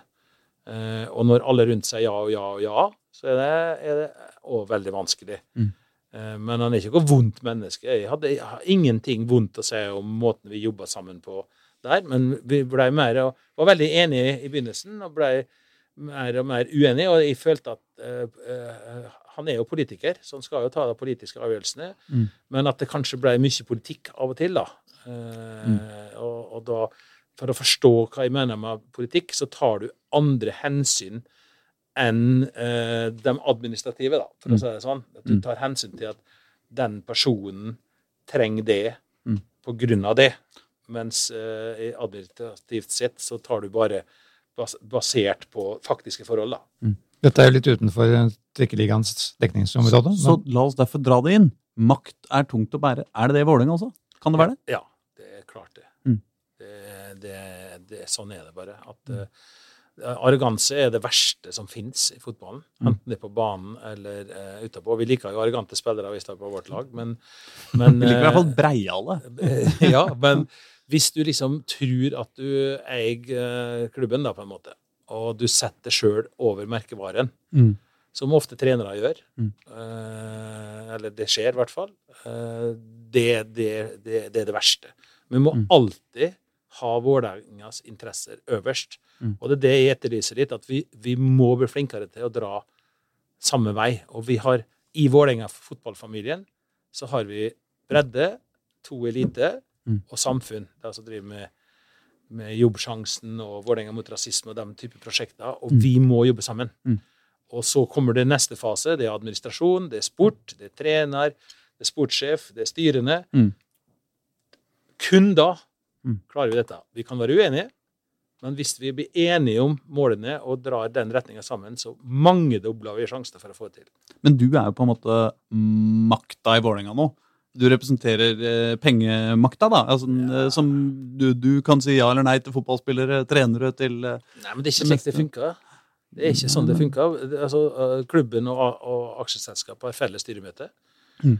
Det er ikke sånn at det står en merkelapp i panna på deg som sitter der. Alle er opptatt av Vålerenga. Det er det folk må skjønne, at det ikke er noe motsetningsforhold. Det er litt sånn eh, romantisk, da, at, eh, at, det er, at eh, det skal være klubbstyrt. Og, og det er bra, og jeg digger den. Den tyske modellen er fantastisk. Mm. Men det er ikke noe motsetningsforhold i en, at, i en Røkke i, Molde eller en Tor Olav i Vålerenga, så lenge de jobber for klubben. Og det gjør de jo. Det er jo ikke noen investorer i norsk fotball som er ute til å ødelegge eller gjøre det vanskelig, som en kanskje ser eksempel på ute, da. Mm. Kanskje Man United er det beste eksempelet på at eierne har ikke vært bra for klubbens omdømme og retning. Men det er ikke det jeg prøver å si, at man ikke jobber for klubben eller noe sånt. Jeg bare mener at det er jo en faktisk makt i altså som, som Vi fikk jo på en måte veldig tydelig framlagt det da, da da Geirlev eh, fikk, eh, fikk sparken når Geir kom inn. At eh, da, da var det styret i klubben som eh, mente at dette var den beste løsninga, og så gikk de til Tor Olav Trøim og spurte kan vi få penger til å gjøre det sånn. Og så Da sitter jo Tor Olav og sier ja eller nei. Ja. Og så sier han ja. ikke sant? Og Ja. den makta i det er jo en veldig, veldig stor makt. Det, det er riktig. Men det er det òg viktig å ta med at Tor Olav vil ikke være en del av den diskusjonen. Mm. Han sier at det må klubben bestemme. Mm. Og hvis klubben bestemmer seg for det, Mm.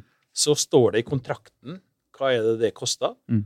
Og da kan ikke klubben bestemme det med mindre han tar den ekstra belastningen Mm. økonomisk. Mm. Og da sa han hvis klubbstyret Mm.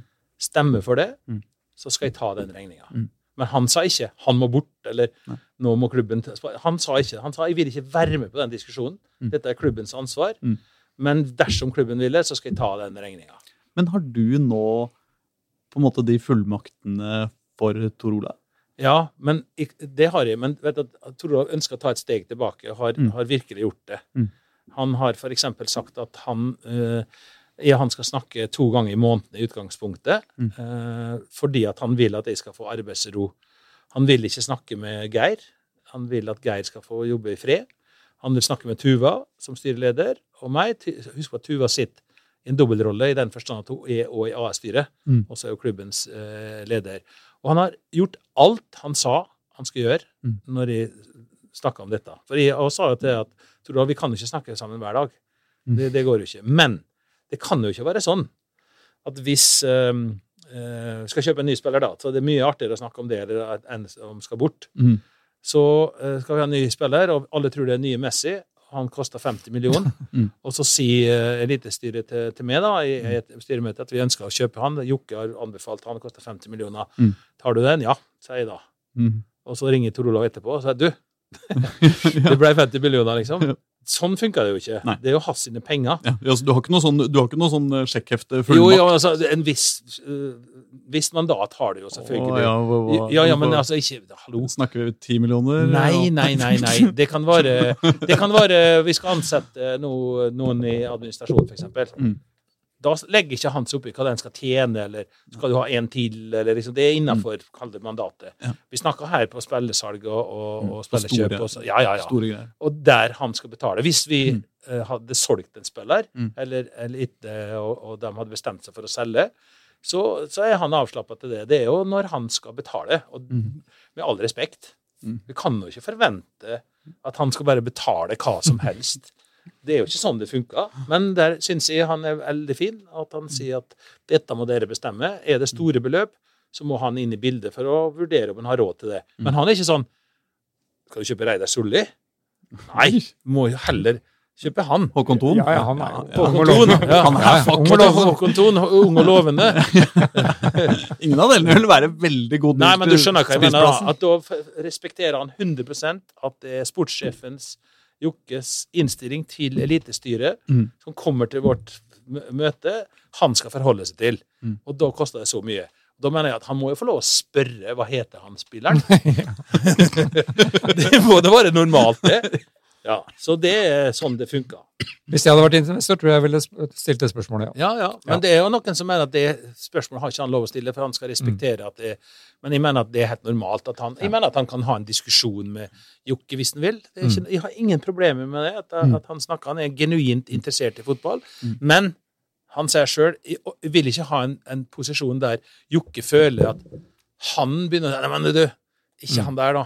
Mm. Men han kan f.eks. si Du har ikke nok en Oslo-spillere som er yngre, som kunne det er jo det vi prøver på. Det kan være sånne ting, kanskje. Ja, ja. Jeg er jo ikke en del av alle samtalene, men jeg snakker med Tor Olav sjøl. Mm. Og jeg syns det har vært veldig bra, måten han har, har håndtert det, det, dette på.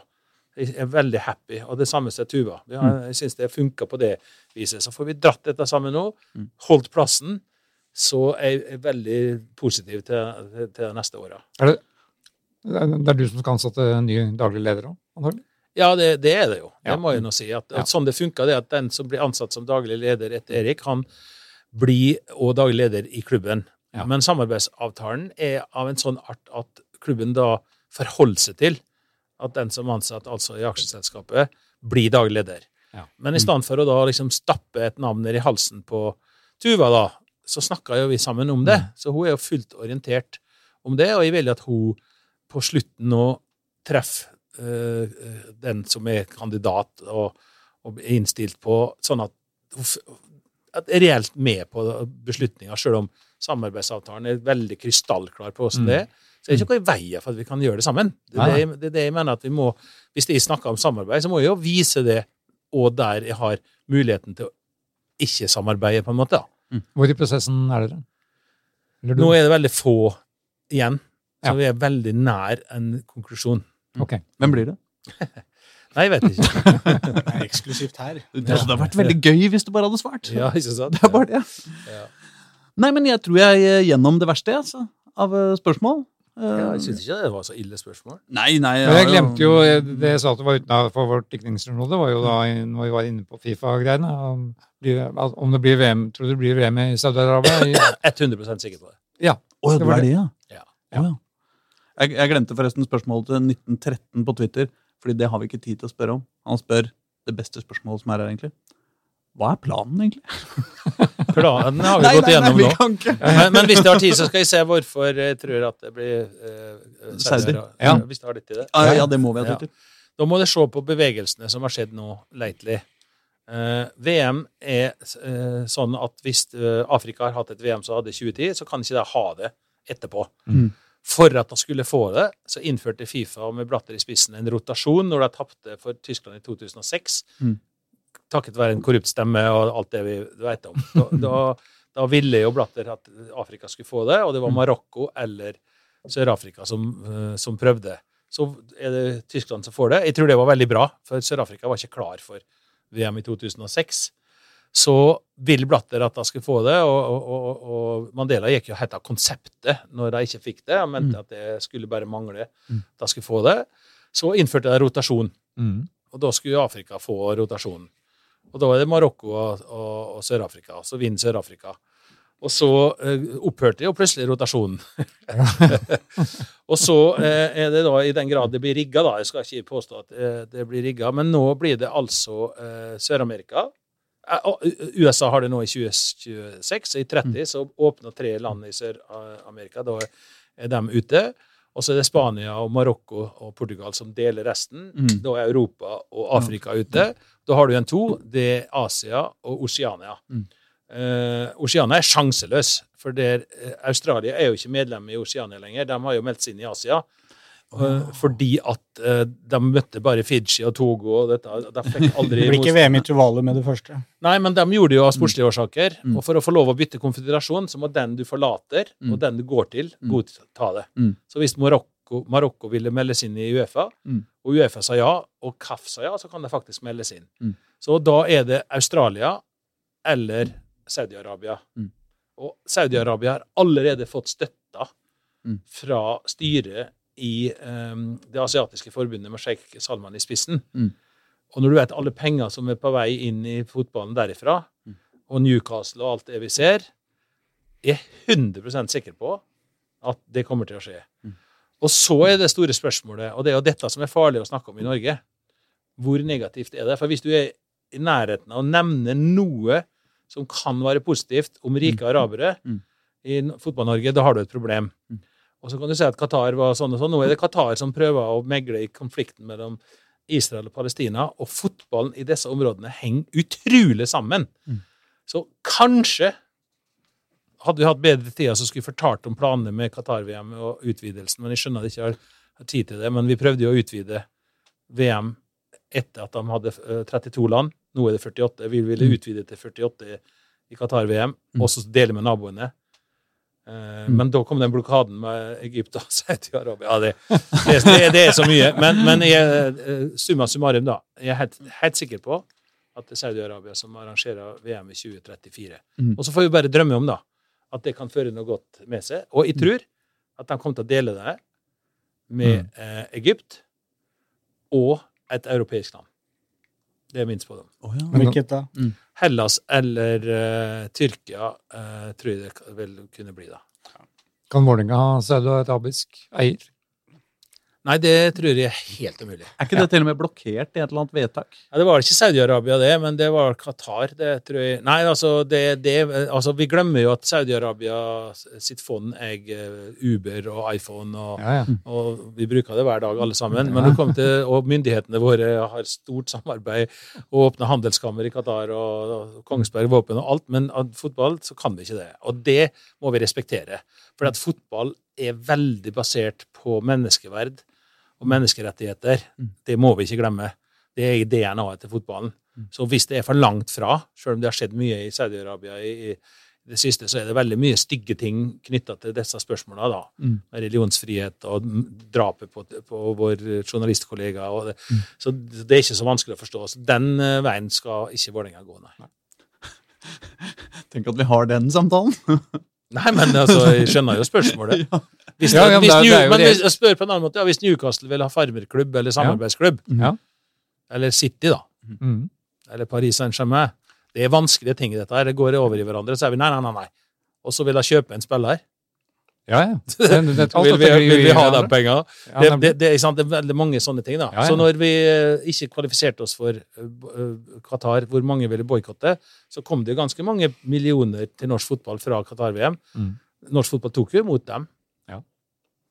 Jeg føler at du kunne snakka en time til om dette her. Oh yes, Men det skal vi ikke. Det skal vi ikke. Av respekt for lytterne og deltakernes tid, så tror jeg vi sier takk for denne gang. Men veldig kult at du kom. Vi bare mangler. Tusen takk. Og så, og så må fikse det derre Du vet, Eliteserien 2024. Skal vi ta litt om den brannkampen, kanskje? eller? Nei, da, Vi har ikke tid til å snakke Det var jo to Beckham. røde kort og scoring av Ilic og full pakke. Da våkna Håkon Thon. Da sier vi det sånn. Ok, da. Oh.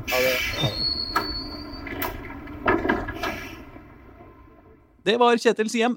Da skal vi eh, over til resten av runden, vi gutter. Først nå kaster du jakka. Ja, nå, nå er det på tide å kaste jakka. Nå er det bestefarsullen som, eh, som skal fram. Hva har du vært på av fotball denne uka, Håkon Thon? Jeg har, eh, jeg har ikke vært på så mye, egentlig, men jeg var i Tromsø, da. Det er jo deilig, da. Nordens Paris. Ja, jeg fikk kjenne på eh, ikke årets første, men eh, sesongens første snø, eller hva man skal si. da. ja, ja, Vinterens det første snø. ja. Ja, det, Jeg ble møtt av gedigne snøfiller i Høstens Tromsø. første snø, jeg tror. Høstens første snø. Ja, men det, Ja. vi som var på Intility på uh, søndag Det var ikke, det jeg var ikke det. sydenvær der heller. Det var, altså. hadde vært en endring, for da jeg fløy oppover, så var det jeg vet ikke, det var det 13-14 grader i Oslo. Mm. Og da var det mye å komme opp til minus én, på en måte. Uh, men da jeg kom tilbake, så var det ikke så stort sjokk igjen, for da hadde det blitt kaldt her òg. Men hvordan gikk det med våre Oslo- Oslo-venner i Tromsø? Vi har jo, vi har jo halve laget der oppe. Ja, det er sant. Eh, Ja, både Jao Pencil og Jakob Napoleon Romsø starta for uh, Tromsø. Og så hadde vi jo på Bjørn Martin Christensen på, på Ålesund. Oppsal, da. Oppsal Oppsal, Oppsal var, var med fra start, ja. Det var jo, Tromsø var jo ikke Oppsal gutta går mot kamp. eh, 30 minutter med kulde og damp. Nei, jeg bare finner på. Er, er det sant? Eh, Jeg veit ikke. Gøy. Men de tapte, ja. Det, er- så, men det skal vi ikke analysere så veldig. Nei, vi trenger ikke gå inn på det. Eh, Det var ingen av dem som utmerka seg i noe spesielt. grad. Joe Pencil ble bytta ut ganske tidlig. Napoleon var usynlig. Zakarias Oppsal var OK. Bjørn Martin Christensen dribla mye. Nei, nå husker jeg det. Giri-giri gasha gumpen gala, her kommer Oppsalkara, vi er tøffe. Vi drikker whiskyen bar, røsk oss i balla, jom-jom. Ja, Ja. Er ikke det en omskrivning av uh, Vet du hva jeg tror? Det er Det mange, er det er mange lag som har Ja. varianter av akkurat den eh, melodien, men jeg hørte den først som, en Oppsal, uh, som et Oppsal-slagord. Ja, Den passer der, syns jeg. Jeg synes det også. Men tilbake til Nord- Nordens Paris. altså Avtroppende avgåtte Skeid-trener Gard Holme Ja. er jo engasjert av Tromsø for Ja. å fiske enda flere spillere til Tromsø. Og han møtte, jeg, han møtte jeg på puben i, i Tromsø faktisk dagen pub? før. Eh, hjemmebane. Oh, ja. Det har blitt min pub eh, de to gangene jeg har vært her oppe. nå. Ja, jeg foretrekker kaos eller blårock. Ok, Men jeg skal bare ha en burger og fotball, ikke sant? Og jeg, Da- jeg foretrekker Ølhallen. ja, Jeg foretrekker punk. ja, ja, Men jeg er aleine, ikke sant? Det er litt, det er litt annerledes.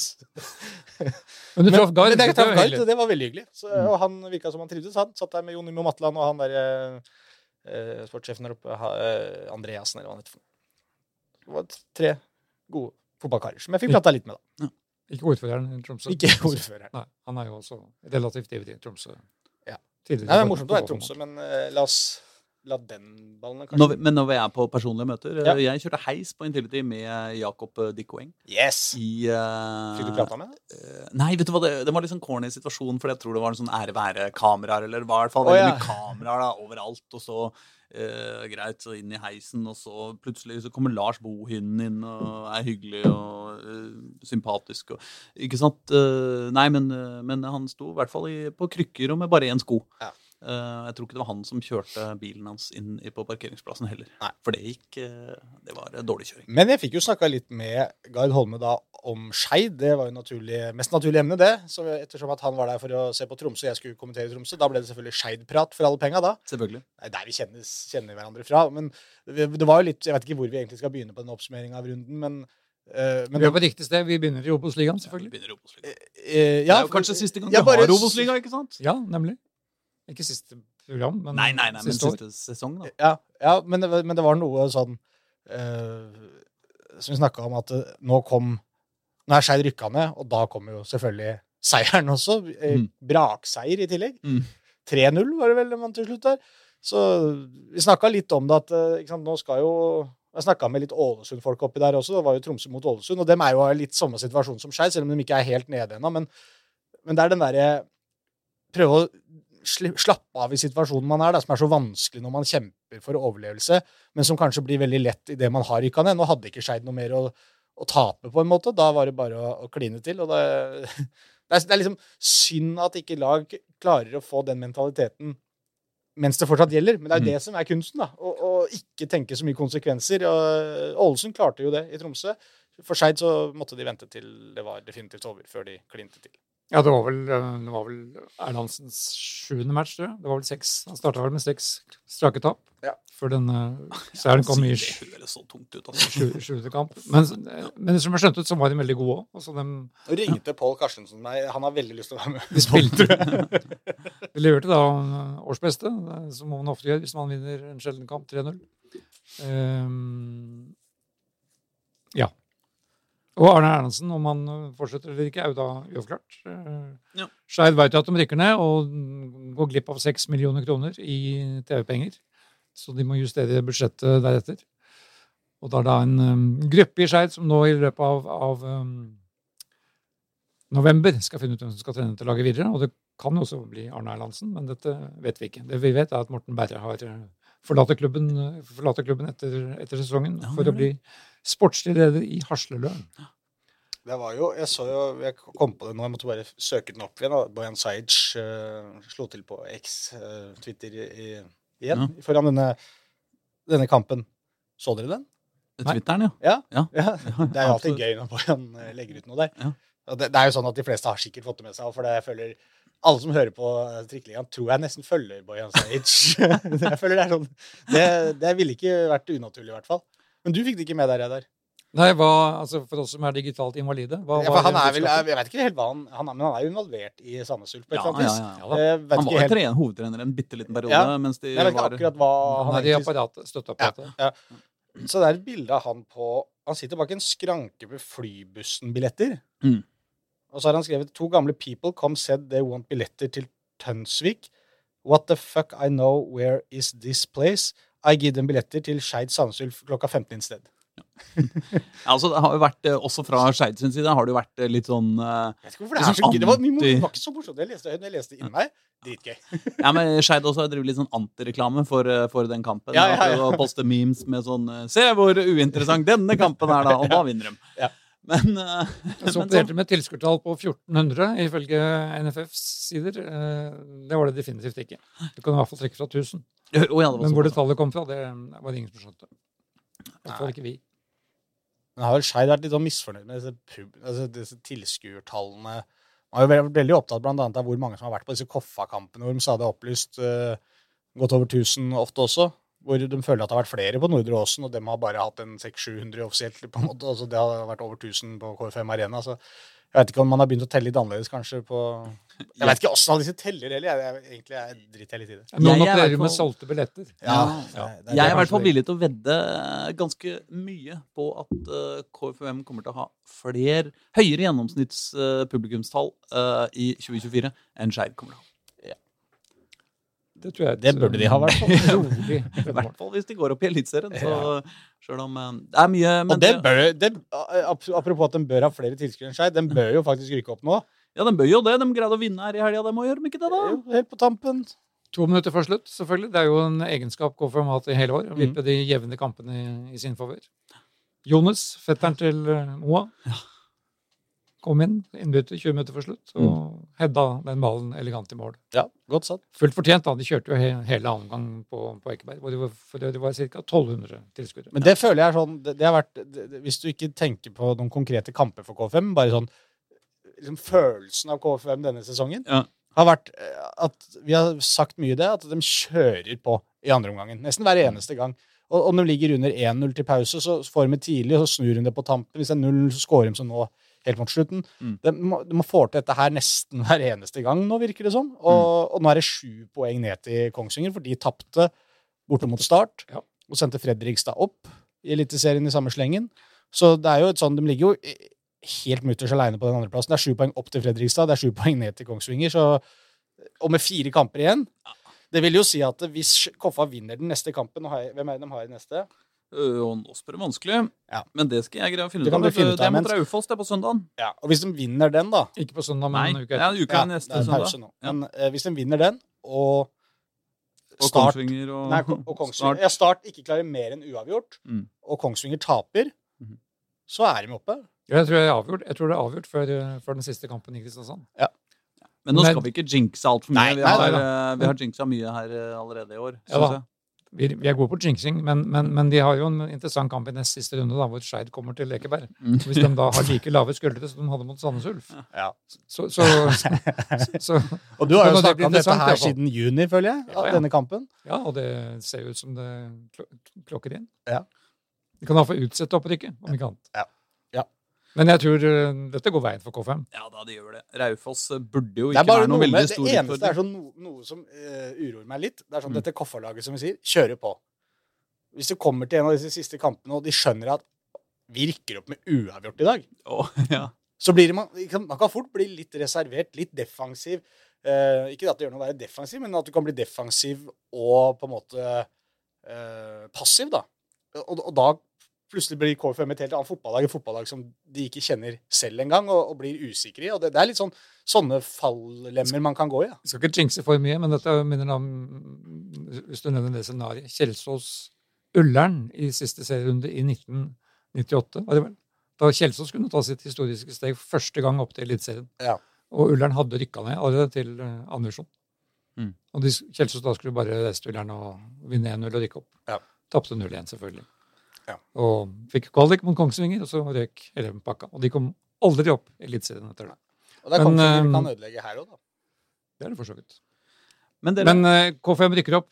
Punktum. ja, Ja. kan vi ikke si det? Vi gleder oss til å spise kake Ja, for, å feire, for å feire det. Eh, Vi kan ikke si det helt ennå. Og så skal vi bruke hele vinteren på å spekulere i hvor de da skal, hva de skal da gjøre når de har rykka opp. For vi ingen aner jo hvor de skal spille hen. Neida.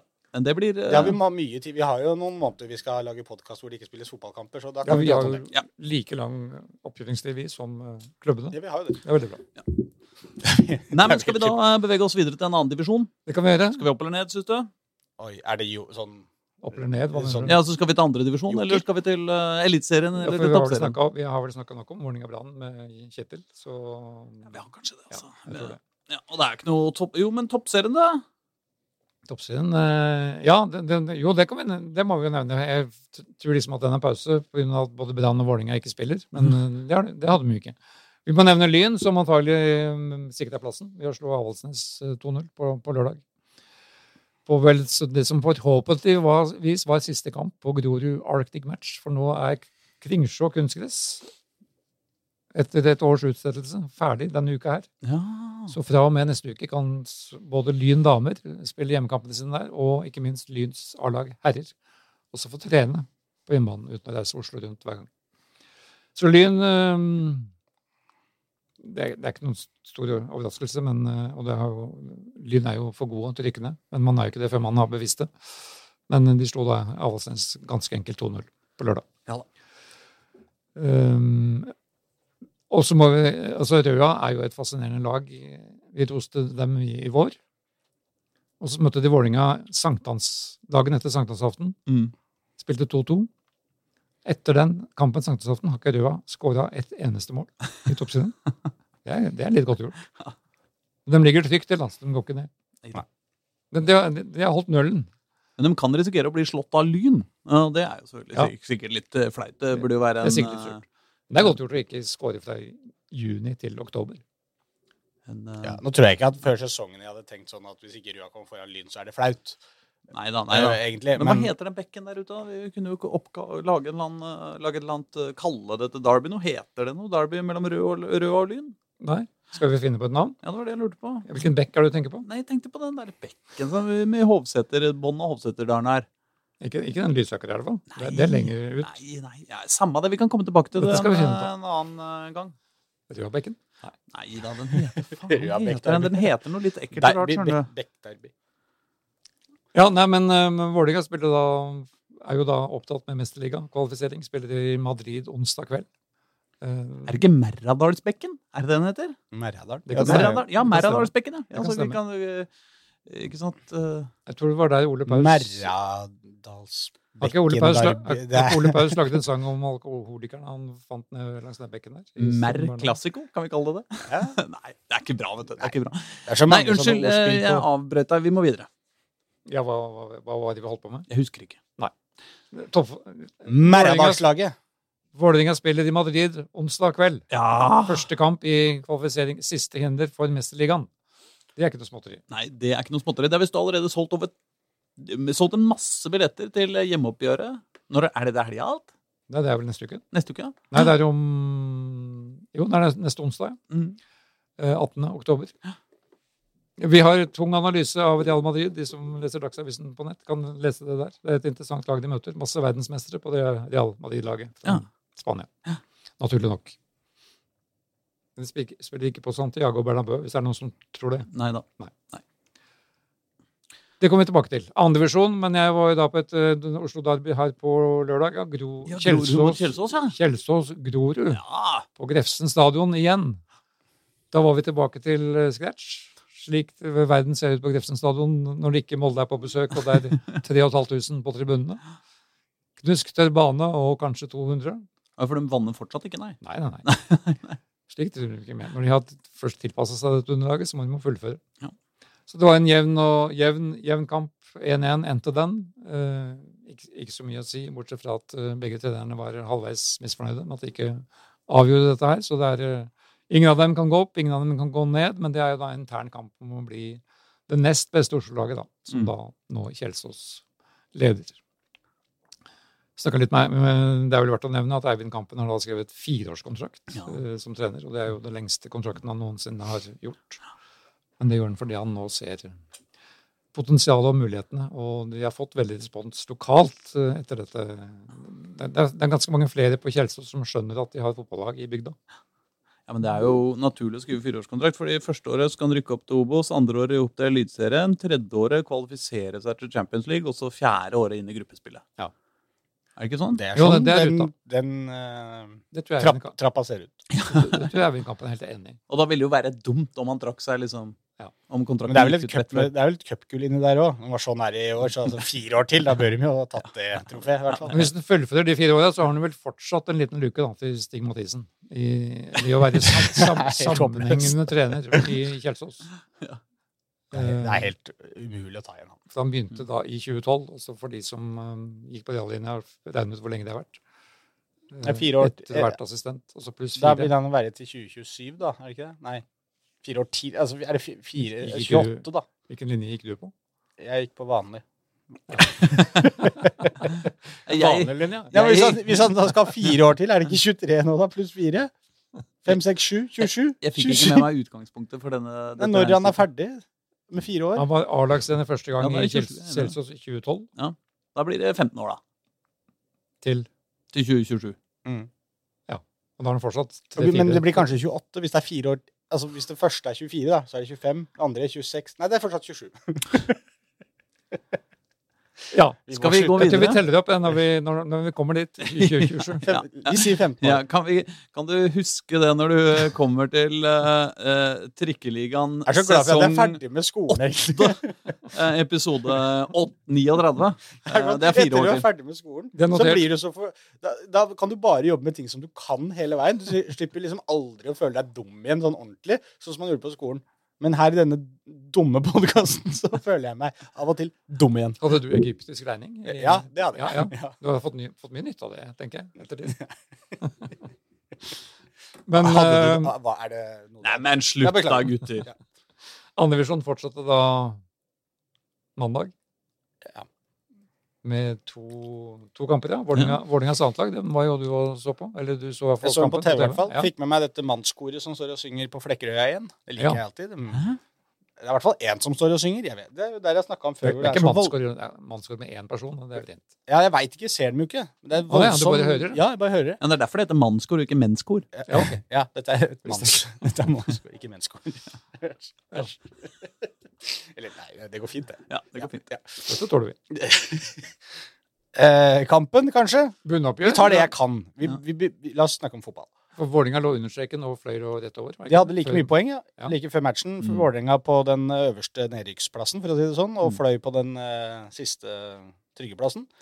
Eh, dødt løp, egentlig, og da forstår man jo at det er en, eh, en særskilt viktig kamp. Ja, Det var ikke vinn eller forsvinn, men det var ikke Nei. mye om å gjøre. Men det er liksom få den luka der nå, med så få kamper igjen, på tre poeng Mm. i bånn. Tre Mm. poeng er mye mer i bånn av tabellen, man må huske det, enn det er eh, oppe i toppen der. Så, så det sto veldig mye på spill, og det så ikke spesielt bra ut for Vålerenga 2 egentlig fra start i denne matchen her heller. Fløy var uh, friskere Mm. med Josias King Furaha, eller hvordan uh, Nå husker jeg, har jeg ikke navnet fra. Fuara. Han som spilte i Grorud. Mm. Han var uh, frampå et par ganger der. Havna i en løpsduell annet med Aron Kiel Olsen, som det var litt sånn uh, lønnlig håp om et straffe håpa fløy på, i hvert fall. Fikk Mm. ikke det. Mm. Eh, så førsteomgangen uh, etter den altså Med det laget Vålerenga stiller her òg. Det er et ganske bra Ganske bra Vålerenga 2-lag 1. Ja. Vi trenger ikke å gå gjennom hele, men det er da som nevnt Aron Kiel Olsen. Juklerød spilte på venstrebekken. Ja.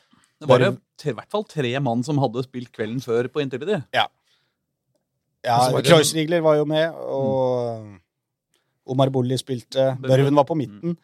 Og så hadde de eh, Oppe på toppen der så hadde de to unggutter. Han Kurd Rønning og eh, Nå skrev jeg det navnet så mange ganger i går, for det var jo dagens mann. Eh, Apold Nei, Lorentz Apold Aasen. Mm. 16 år gammel.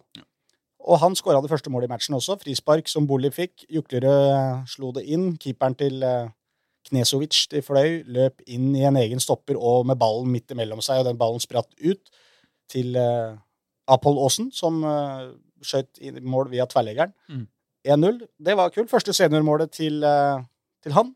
Det er på tide når du er fylt 16. Ja, det syns jeg. Jo, jo, men se på disse Det er noen av disse ute i Europa. Han der Lamin Jamal og sånn i Barcelona som eh, spiller Champions League nå, liksom. Så det er klart Det er bare å komme, få opp dampen, altså. Flaten, er vi strenge, altså. Ja, nei, nei, Du, unnskyld meg. Eh, Rasmus Eggen Winge, da han var her for uh, tre uker siden, Mm. så var jo på en måte noe av det tydeligste, i hvert fall jeg fikk ut av det intervjuet, er at vi må faktisk roe litt grann ned på den ungdomsdyrkinga i norsk fotball.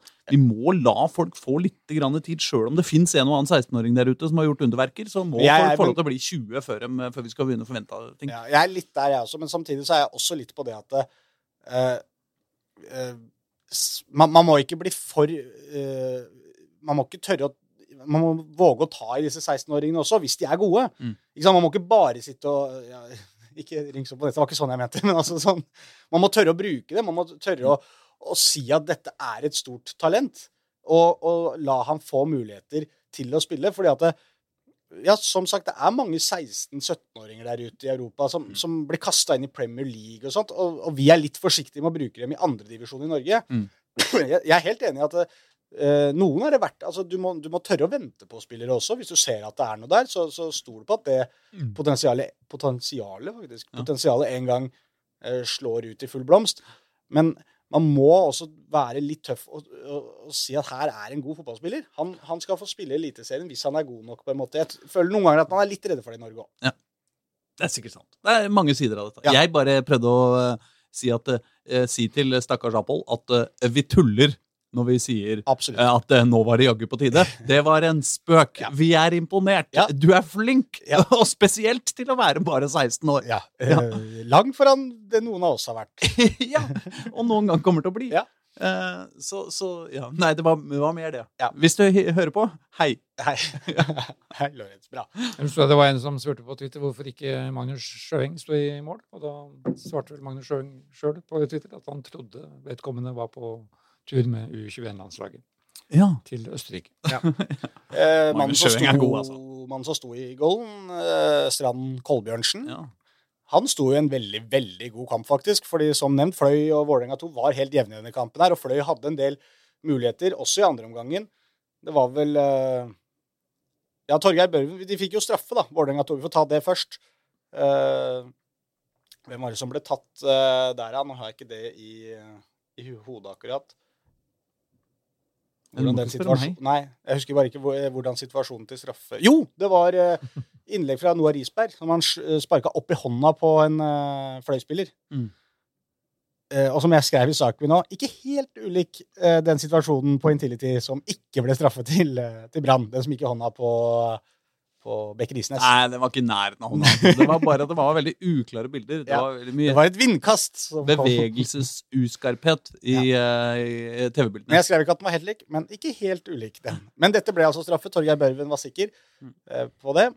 Eh, og så var det litt stille en periode før vi nærma oss på en måte de siste ti. Og da hadde faktisk Fløy et par ganske fete muligheter. Kom aleine gjennom, blant annet. God redning et par anledninger her av Hans Strand Kolbjørnsen. Mm. Og så skulle kanskje for det hadde enda et straffespark, for det kom et innlegg hvor han eh, godeste Kolbjørnsen stuper ut i feltet og feier ned en uh, Fløy-angriper. Han treffer ballen, da, men det er litt sånn, du kanskje ser det for deg. Han løper ut, ikke sant, treffer ballen, Mm. men klinker inn i han der andre samtidig. Ja. Så ja, det ble i hvert fall ropt på straffe, og noen mente vel at det kanskje burde kunne vært det, men slapp av den kroken også Vålerenga. Sendte opp, han, eh, sendte opp keeperen sin helt på tampen, faktisk, for det, Å, og fem minutter på overtid. Det var lagt til seks. Mm. Nei, fem minutter på overtid så fikk de rødt kort fløy. Omar Bolig ble tatt. Ja. Men det hadde ikke så mye å si. Det var jo lagt til seks, det var ett minutt igjen. Men så får Fløy et frispark, slår den inn litt etter uh, slep, etterdønninger av eh, frisparket, og så kommer en ny ball inn i feltet, og der går de to i duell med hverandre, de to keepera. Mm. Så det var en litt sånn eh, nesten at uh, Fløy-keeperen skåra, og istedenfor så bare dundra Vålerenga i angrep, eh, og da spilte Kurd Rønning, vår mann, 16 år gamle Lorentz Apollosen på blank kasse, mer eller mindre, satte inn sitt andre og trente i Vålerenga 2. Som da spretter opp over streken. Kult! Det er gøy. Samtidig så skjedde da Nå er vi jo opprykksdrama til Lyn, som pågår Mm. fortsatt. De spilte da mot um, mot uh, Ja, det var vel det laget som du pleier å se på. Ålesunds Ja, ja. På, på, på Bislett. Vant enkelt 4-0. Uh, Ibba Layab. Mm. Han skåret etter 46 sekunder. Og kunne hatt Det kunne vært hans andre skåring i matchen. For han fikk da den første sjansen etter ti sekunder. Altså, jeg må si, det virker, Jeg eh, ser jo ikke nok eh, på disse lynkampene, jeg må innrømme det, men det virker jo for meg som om Ibba altså, eh, Han burde være på banen. Han leverer. Han, eh, han leverer. Han skårer mye mål. Ja. Og til tross for ganske lite spilletid, tross alt. Uansett hvordan uh, Jan Halvor Halvorsen bruker IBA, Mm. så bruker han akkurat som du bruker nå, for det ser ut til å fungere. Om han kommer inn, eller om han starter, eller hva det er du gjør i, dette, i disse ukene her. Bare fortsett med det. Nei, men eh, jeg har jo da Starta han forresten denne kampen? Nei, Ja, denne gangen Altså, han skåra etter 46 sekunder. Ja, det var det så du sa, ja. ikke hadde vært eh, Jeg syns du sa det var en sjanse. Og det, det, var kunne en jo være det var en sånn etter ti, og så var Nordstrand, eh, Nordstrand-move, da. Med Ja, alle- ja, det kunne, han kunne vært bytta inn etter ti sekunder. Men den, den taktikken kjører ikke Jan Halvorsen. Nei. Som jeg for øvrig nettopp har fått gjennomført min kaffeavtale med. Hei! Så vi hadde en hyggelig prat her eh, nettopp. Men uh, han gjorde da noe så sjelden som å, som å bytte tre mann i startelveren fra forrige kamp. Mm. Det er ikke så ofte han gjør. Han måtte også gjøre det ja, Det var diverse årsaker til det. Ja. Men eh, Halvorsen kjører jo med 'never change a winning team' hvis han har muligheten. Han er trofast mot For det. det er jo Andreas Hellum som, har startet, som er toppskåreren som har starta disse kampene, men denne gangen ikke. Fordi han har slitt litt. Han kom for øvrig inn og skåret det siste på overtid. Men Ibba, jeg snakka litt om Ibba. Han er så 38 år gammel Mm. og har, er veldig viktig for Lynlaget. Han, han kan aldri spille en hel kamp, for det er han ikke i stand til. Nei. Men han kan spille 30 eller 60 minutter maksimalt. Mm. Men da, da, da gjør han nytte for seg. Mm. Denne gangen skåret han den første, og forrige gang ja, sist jeg så han, så skåret han to. Mm. Eh, da kom han inn på slutten. Han, Ja, han er, han, er, han er, er en voksen kar. Han er ruver i feltet. Han uh, skubber unna det meste av motstand.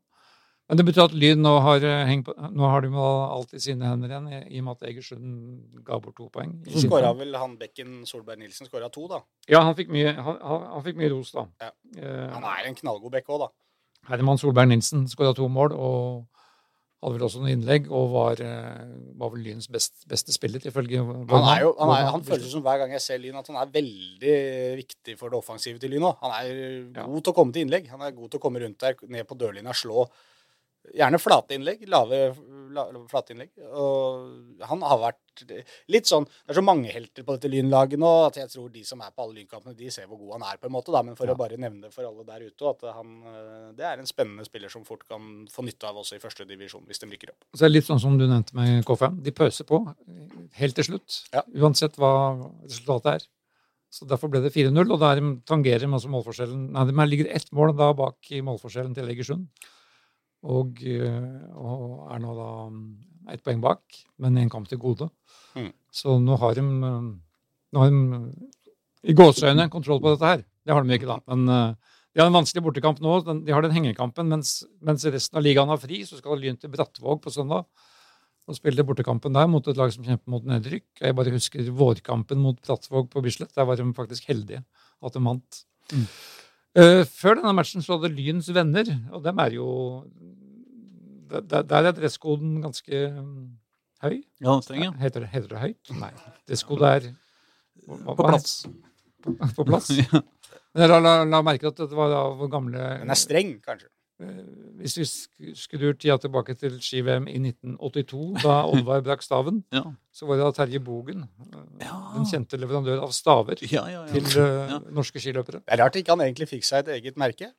Ja, det- Skistavmerke. Altså, det er få som har greid å, å gjøre Bogenstav. så mye ut av uh, en 30 sekunders uh, Eller en 5 sekunders Ja, opptreden. det er nok. Der er Terje Bogen god. ja, ja, han har fått mye ut av det. Terje Bogen leda da selvfølgelig dette møtet for, blant Lyns bemidlede venner Ja. før kampen på Bislett i går. Ja. Hvordan vi fortalte om, litt om stadionplaner og opprykk til Obos-ligaen og annen moro. Mm. Og hvor da Oslos kommende ordfører Anne Lindboe også var på plass. Oh, ja. Det viste at hun bor visstnok i Lynland og har barn i klubben. Dette gjør hun. Jeg har faktisk vært eh, hjemme hos henne og intervjua henne. Hun bor Ja, ok. eh, ja, oppi der. Så mm, hun stilte seg selvfølgelig ja, veldig positivt til alt som Lyn tenkte om Ja, hun gjorde det. Fikk dere, fikk dere noen garantier over bordet der, liksom? Overhodet ikke. Å. Men uh, ja, hva som skjedde etterpå, veit jeg ikke. Men Lyn er på kurs. Vi, det, dette blir spennende. Uh, I den andre avdelingen så spilte da Ullern uavgjort mot Strømmen. Mm. Så må noen opplyse NFF om at det var en, tydeligvis en målskårer på Ullern. Han er ikke registrert noe sted. Men uh, ryktene sier at kampen endte 1-1. Det ble sikkert Fitti Masemi. Vi, ja, vi regner med det. Vi sier det.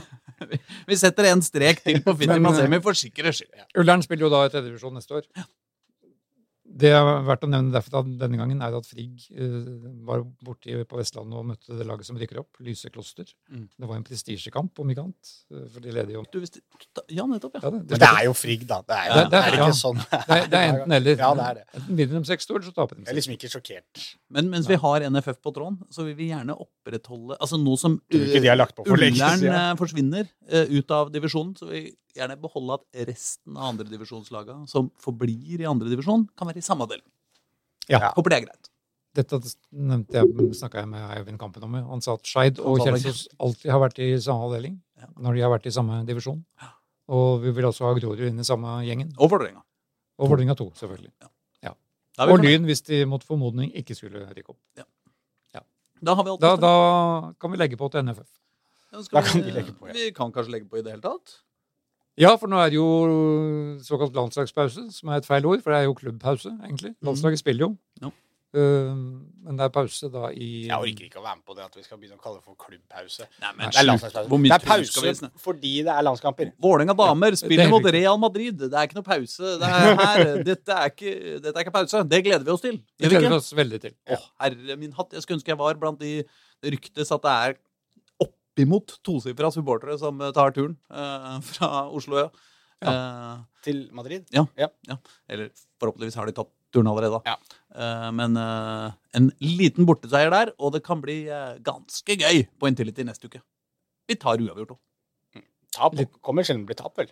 Vi gidder ikke ta et 3-0-tap, liksom. Da blir det ikke gøy. Nei, altså, jeg kommer for det, Ja, ja. men altså liksom men... 1-0-tap. Det kan vi snu på det kan vi snu. inntil. Vi gleder oss. Skal vi si det sånn, da? Vi sier det slik. Ha det!